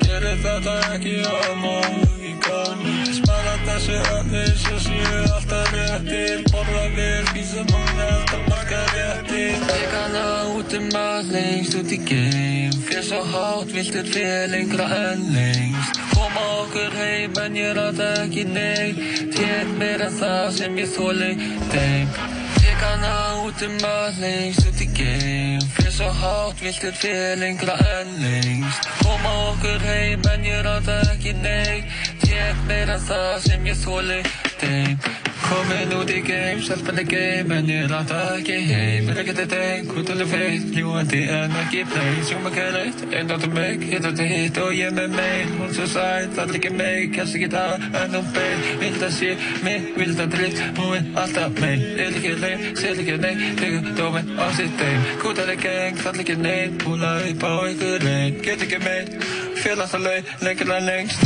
Kann að út um að lengst út í geim svo hátt viltu fyrir lengra en lengst Koma okkur heim en ég ráða ekki nei Tek mér að það sem ég þóli þeim Viltu hoppa treysa sinni múta sendi múti á það. Eftir það upp á hótelið hann að það Ekki fara að sleppa vistist hann að klára Þar ekki dóp til að gera hann að háta Gerði það þó enginn hann að máta.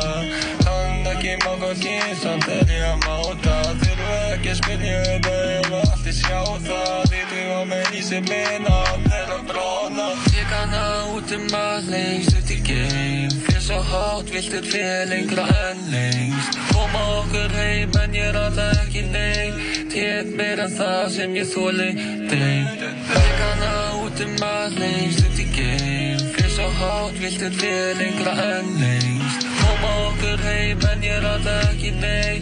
Tek mér að það sem ég þóli þeim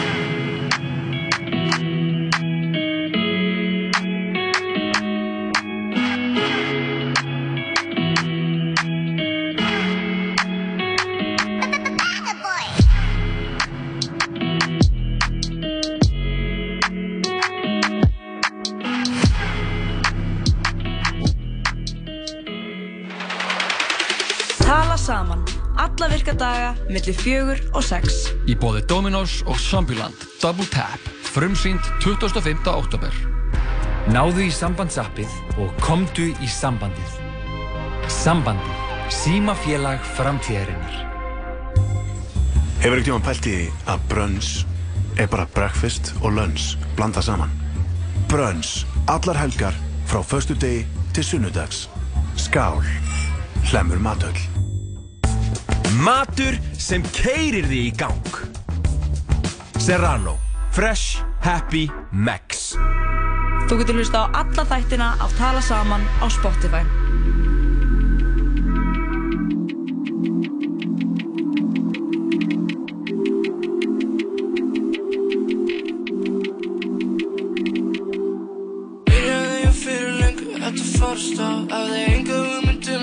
Þetta var ég á, á ég á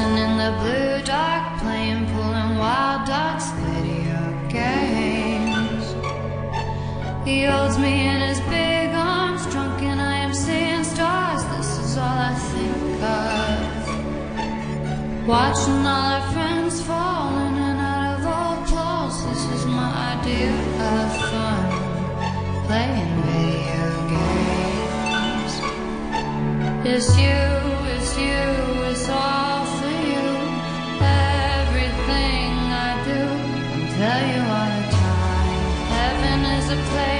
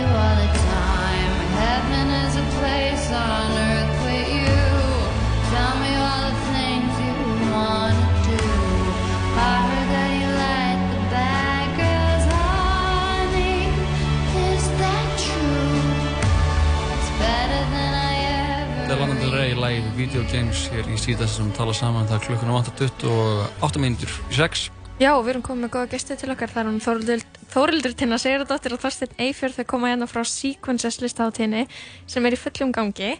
Verið hjertalega velkomin. Takk, takk. Takk fyrir. Hvað segir þið gott í dag? Bara rosa gott sko. Hress. Já.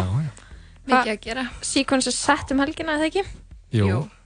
Og hvað er framöndan í vikunni?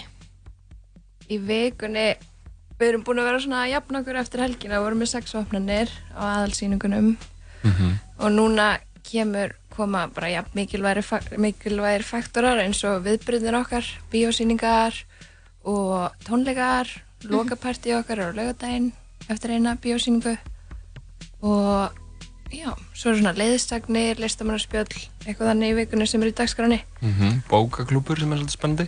Okay. Það er hérna, það er svona, eru hvað, ekki fimm sýningatekstar? Jú, svona formálar sýningarinnar. Mm -hmm. Við skrifaðir af, af fimm, uh, hvað segja, spekingum. Mm Ekki? Það er í raun og veru Hildigunnur, Birgisdóttir og Ingólfur Arnarsson, sýningarstjórnir, ákveðu það sem í undirtitli sín, hátíðarinnar er í raun og veru rauntíma myndlistarhátíð.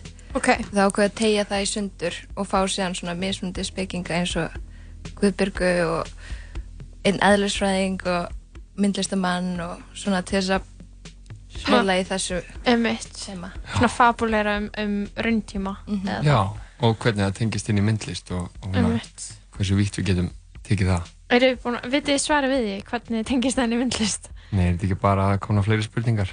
Já, mitt. Svolítið svolítið.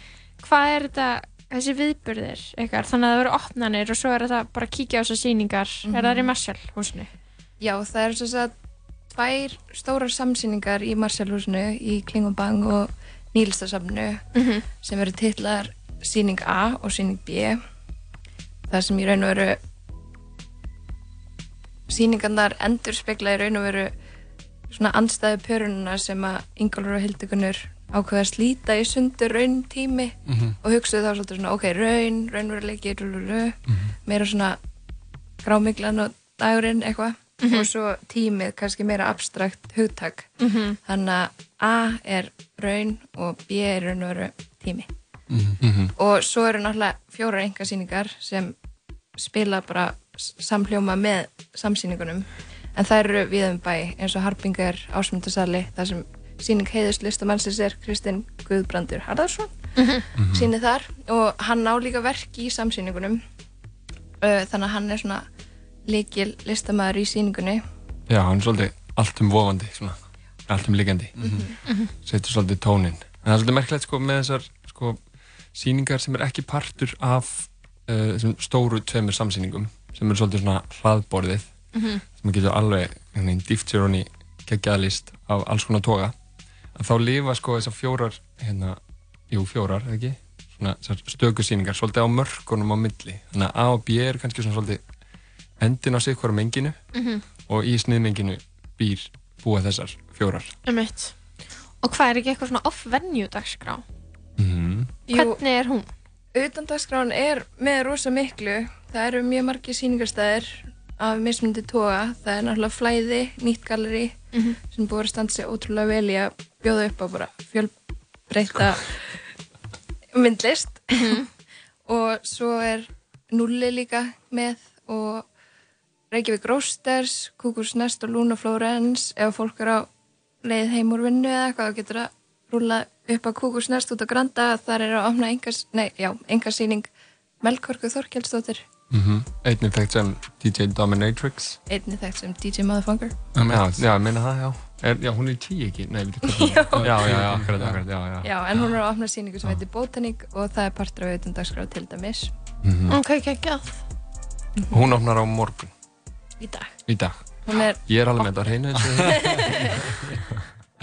og hvað, hver er ykkar hlutverk í hérna, Sequences? Hvað gerir þið? Uh, ég er sérst verkefnastjóri og ég er búin að vera partur af þessu samtali og skipulagningu sem desember. Mhm.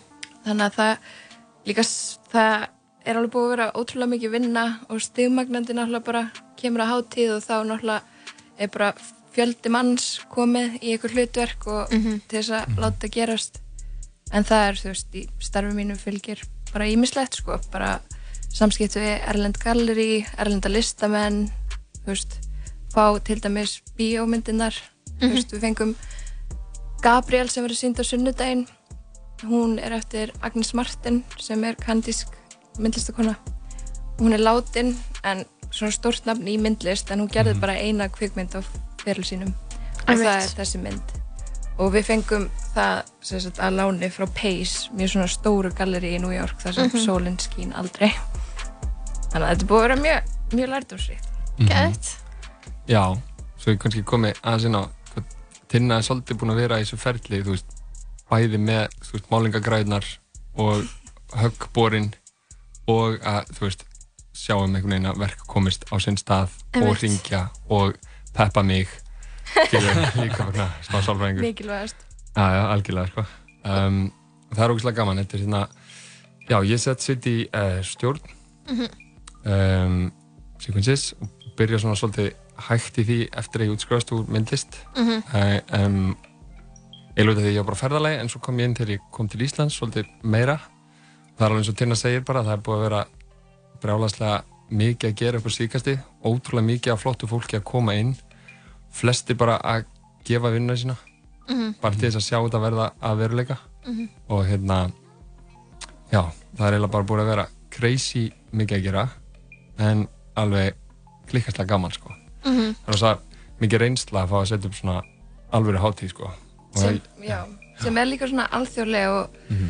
setur svolítið svona mark á senuna ákveðat þegar hún er í gangi og hefur kannski líka áhrif in the long run á eitthvað samstörfi eða eitthvað þannig veist, við erum, það er útrúlega spennandi finnst mér Mhm. Þú, er þetta, þú veist, svona með svona stærri myndlistaháttíðum á Íslandi eða? Já, þú veist, ég ætla ekki að fullir það um það en þetta er allavega mjög metnafullt projekt út af því að hún tilengar sér aðalega myndlist Mhm. bara svona strangt til tekið myndlist og það er náttúrulega fullt af mikrokosmosum og listheimum í gangi í alþjóðlegu samfélagi og leggur sér svolítið svona markmið að miðla einhverjum ströymum úti hingað svona Einmitt. beint í æð sem er svolítið svona já, það er einni sko það er mikið af verkum og hafa verið sko síðustu skipti á sequences finnst mér sem að maður hefur kannski ekki alveg tækifæri á að sjá beint.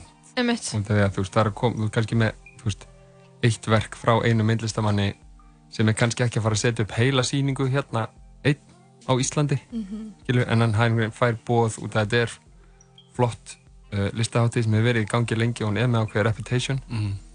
uh, þannig að þú veist, fólk sér sér fært og er til í að koma og sína þannig að maður er að fá að sjá einstök verk sem að þú veist, maður myndi ekki fá að sjá endilega í personu á Íslandi Ok, þannig að koma með bara erlenda ströyma hingað. Mhm.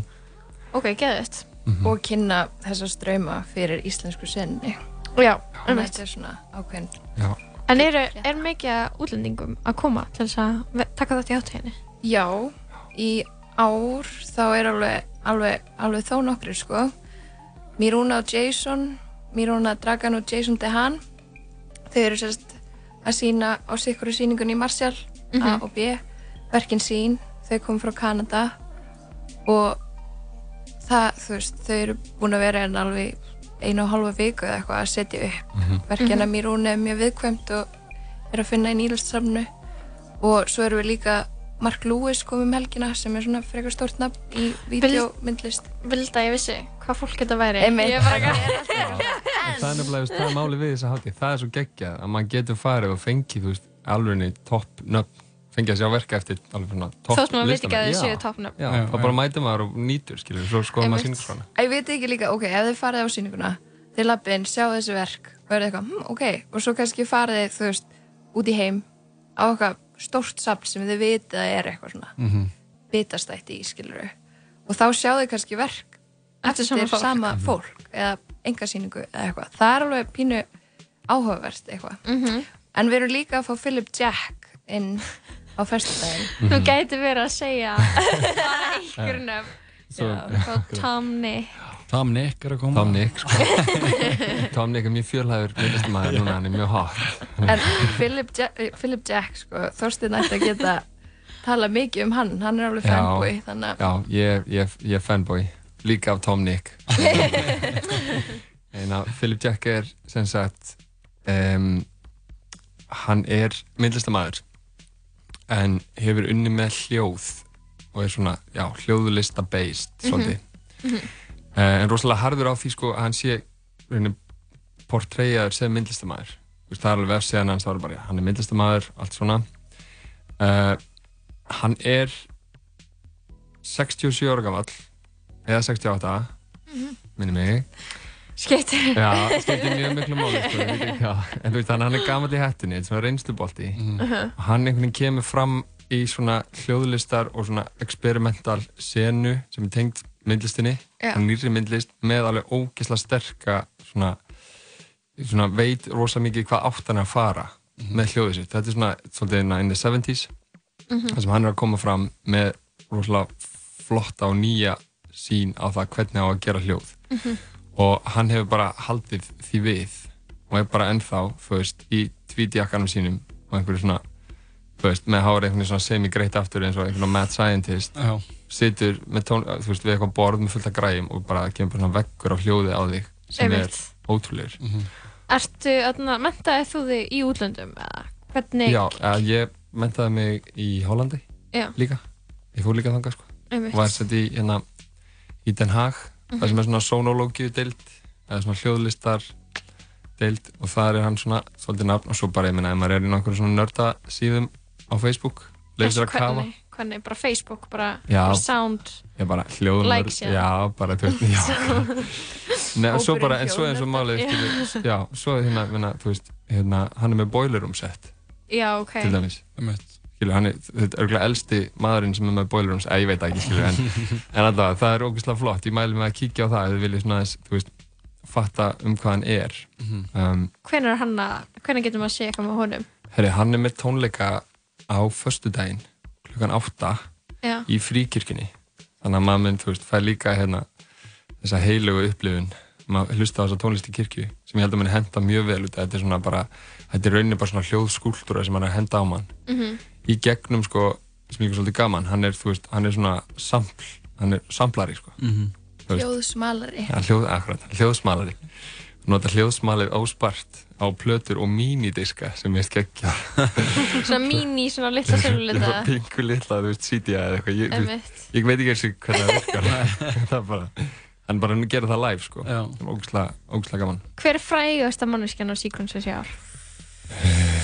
Ekki Douglas, nei Einhver sem ég veit hver er Já. ok, Ég nei- ok akkurat.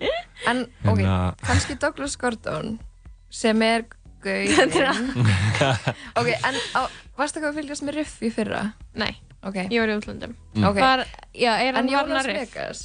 Ha, Jónas Megas Veistu hvað það er? Gaurin sem var í stúdíu 54 eða eitthvað og var með Andy Warhol, litháiskur Ekki slash íslenskur? bandarískur Nei. Hann Nei. er svona nafn, en það verður allavega kveikmynd uh, um hans æfi á morgun sem Ok. Douglas Gordon bjóð til Já. Eða- Ok, eða eftir Douglas Gordon þannig að það er í biopartís á morgun klukkan 8 og það er bara þúsund kall það er ekki það er bara- ekki neitt. það er bara bíó fyrir sko. tíu árum Já, nákvæmlega. Já, Já. bíó fyrir tíu, þetta, þetta getur verið gott svona slókan. Já.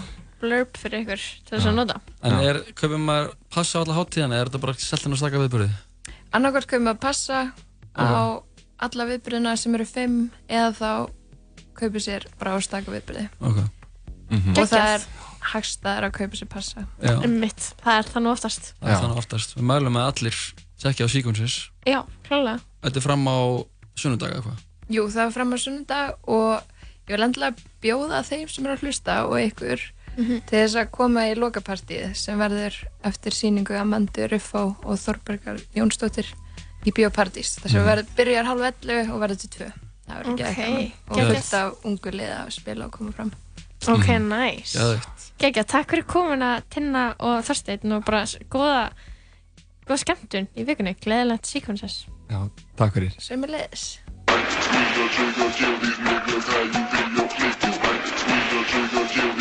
They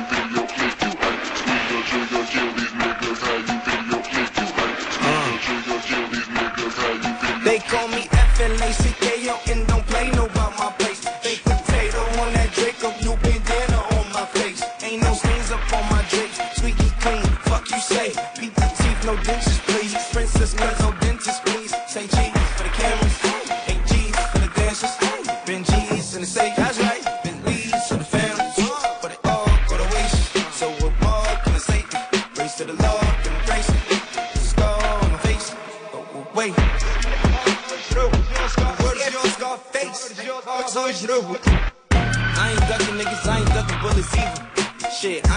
Sauce since I became a vegan. Niggas fly with Jody season. Powder pants before the season. Probably ducked off in a quiet place with your breezy. Proud of shades, probably why you couldn't see him. Shit me. I would like to dedicate to the scar on my face.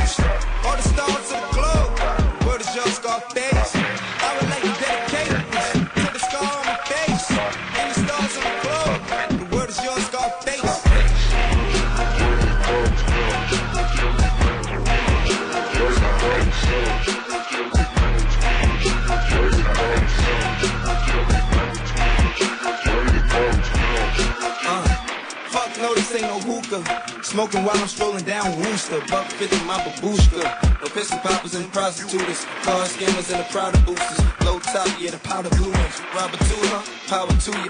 Hallelujah, better pray to God. I would like to dedicate to the scar on my face. All the stars in the globe.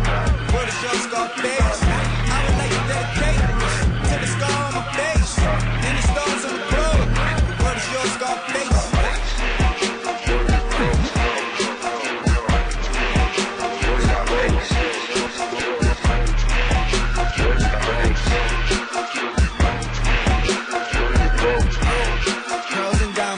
excessive. Money, power, that's excessive. Money, problems, that's expected. Marijuana, ass and brushes. Pearls and diamonds, that's excessive. Money, power, that's excessive. Money, problems, that's expected. Marijuana, ass and brushes.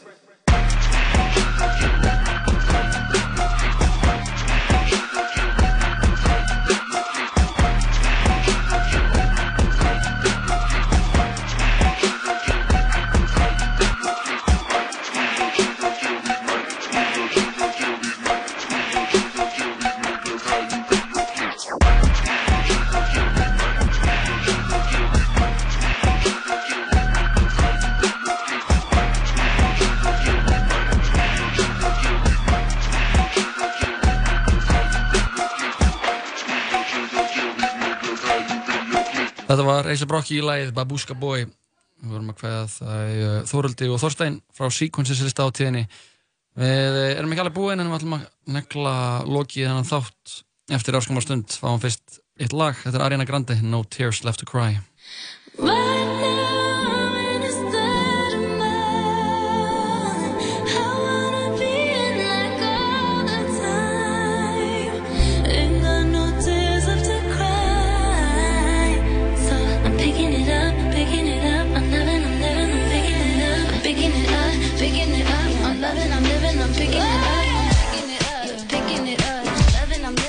Turning it up. Yeah, we turning it up. Ain't got no tears in my body. I ran out, but boy, I like it. I like it. I like it. Don't matter how, what, what, who tries it. We out here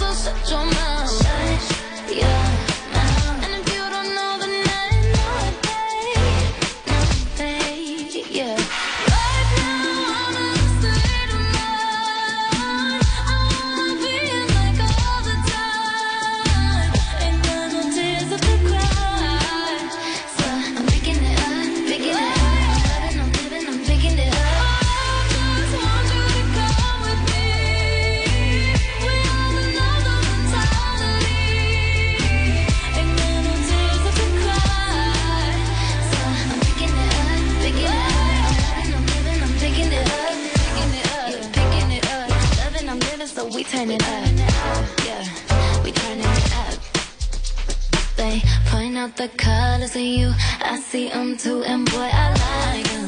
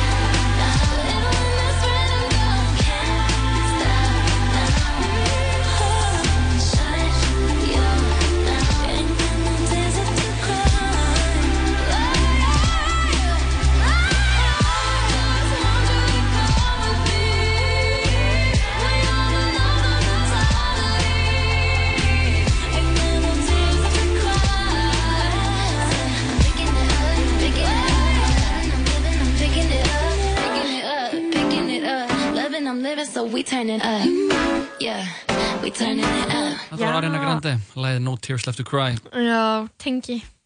Tengi, Búin að gráta þeim öllum, sko. já, engin eftir Bókstaflega engin eftir. Bókstálega engin eftir Og Við- það er engin mínúta eftir að þessum þætti. Nei, hann er alveg bara búinn Við Já. erum ekki mér að þurfa að segja neitt í dag Hún er með marga gesti. Við vorum með eh, fjóra gesti sem Já. eh, Erstu með eitthvað boiling hot take sem þú vilt endilega bara koma frá þér út af því að þú veist, við náðum eiginlega ekki, þú veist, við vorum bara að spjalla við viðmælendur, við náðum ekki að segja svona the low end jóa take, sko. Þannig að nú hefur tækifæri. No words left to say Búin að segja það öll.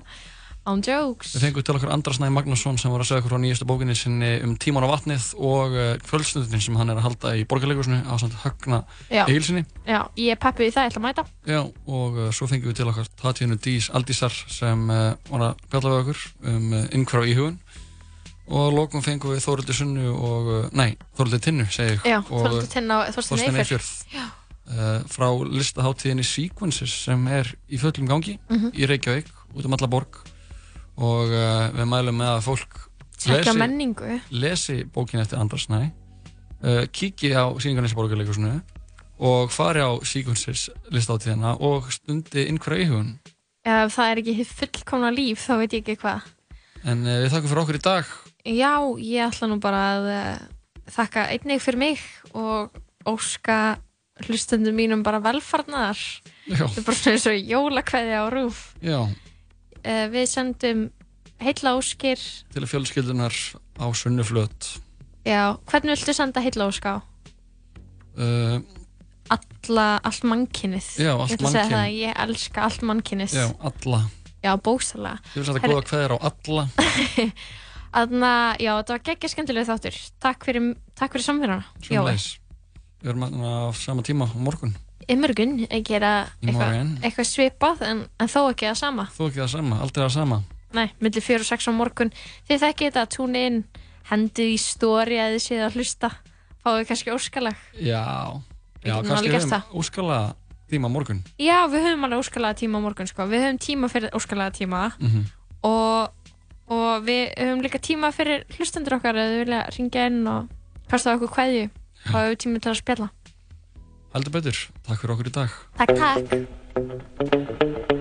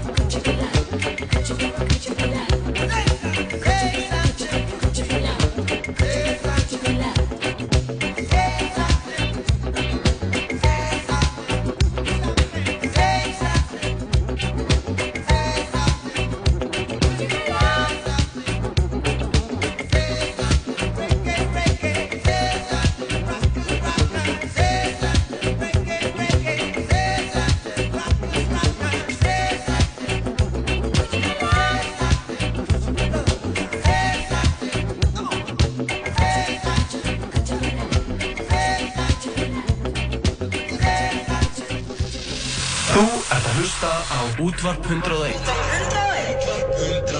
FM 94.1 Í bytni úr miðbæ Reykjavíkur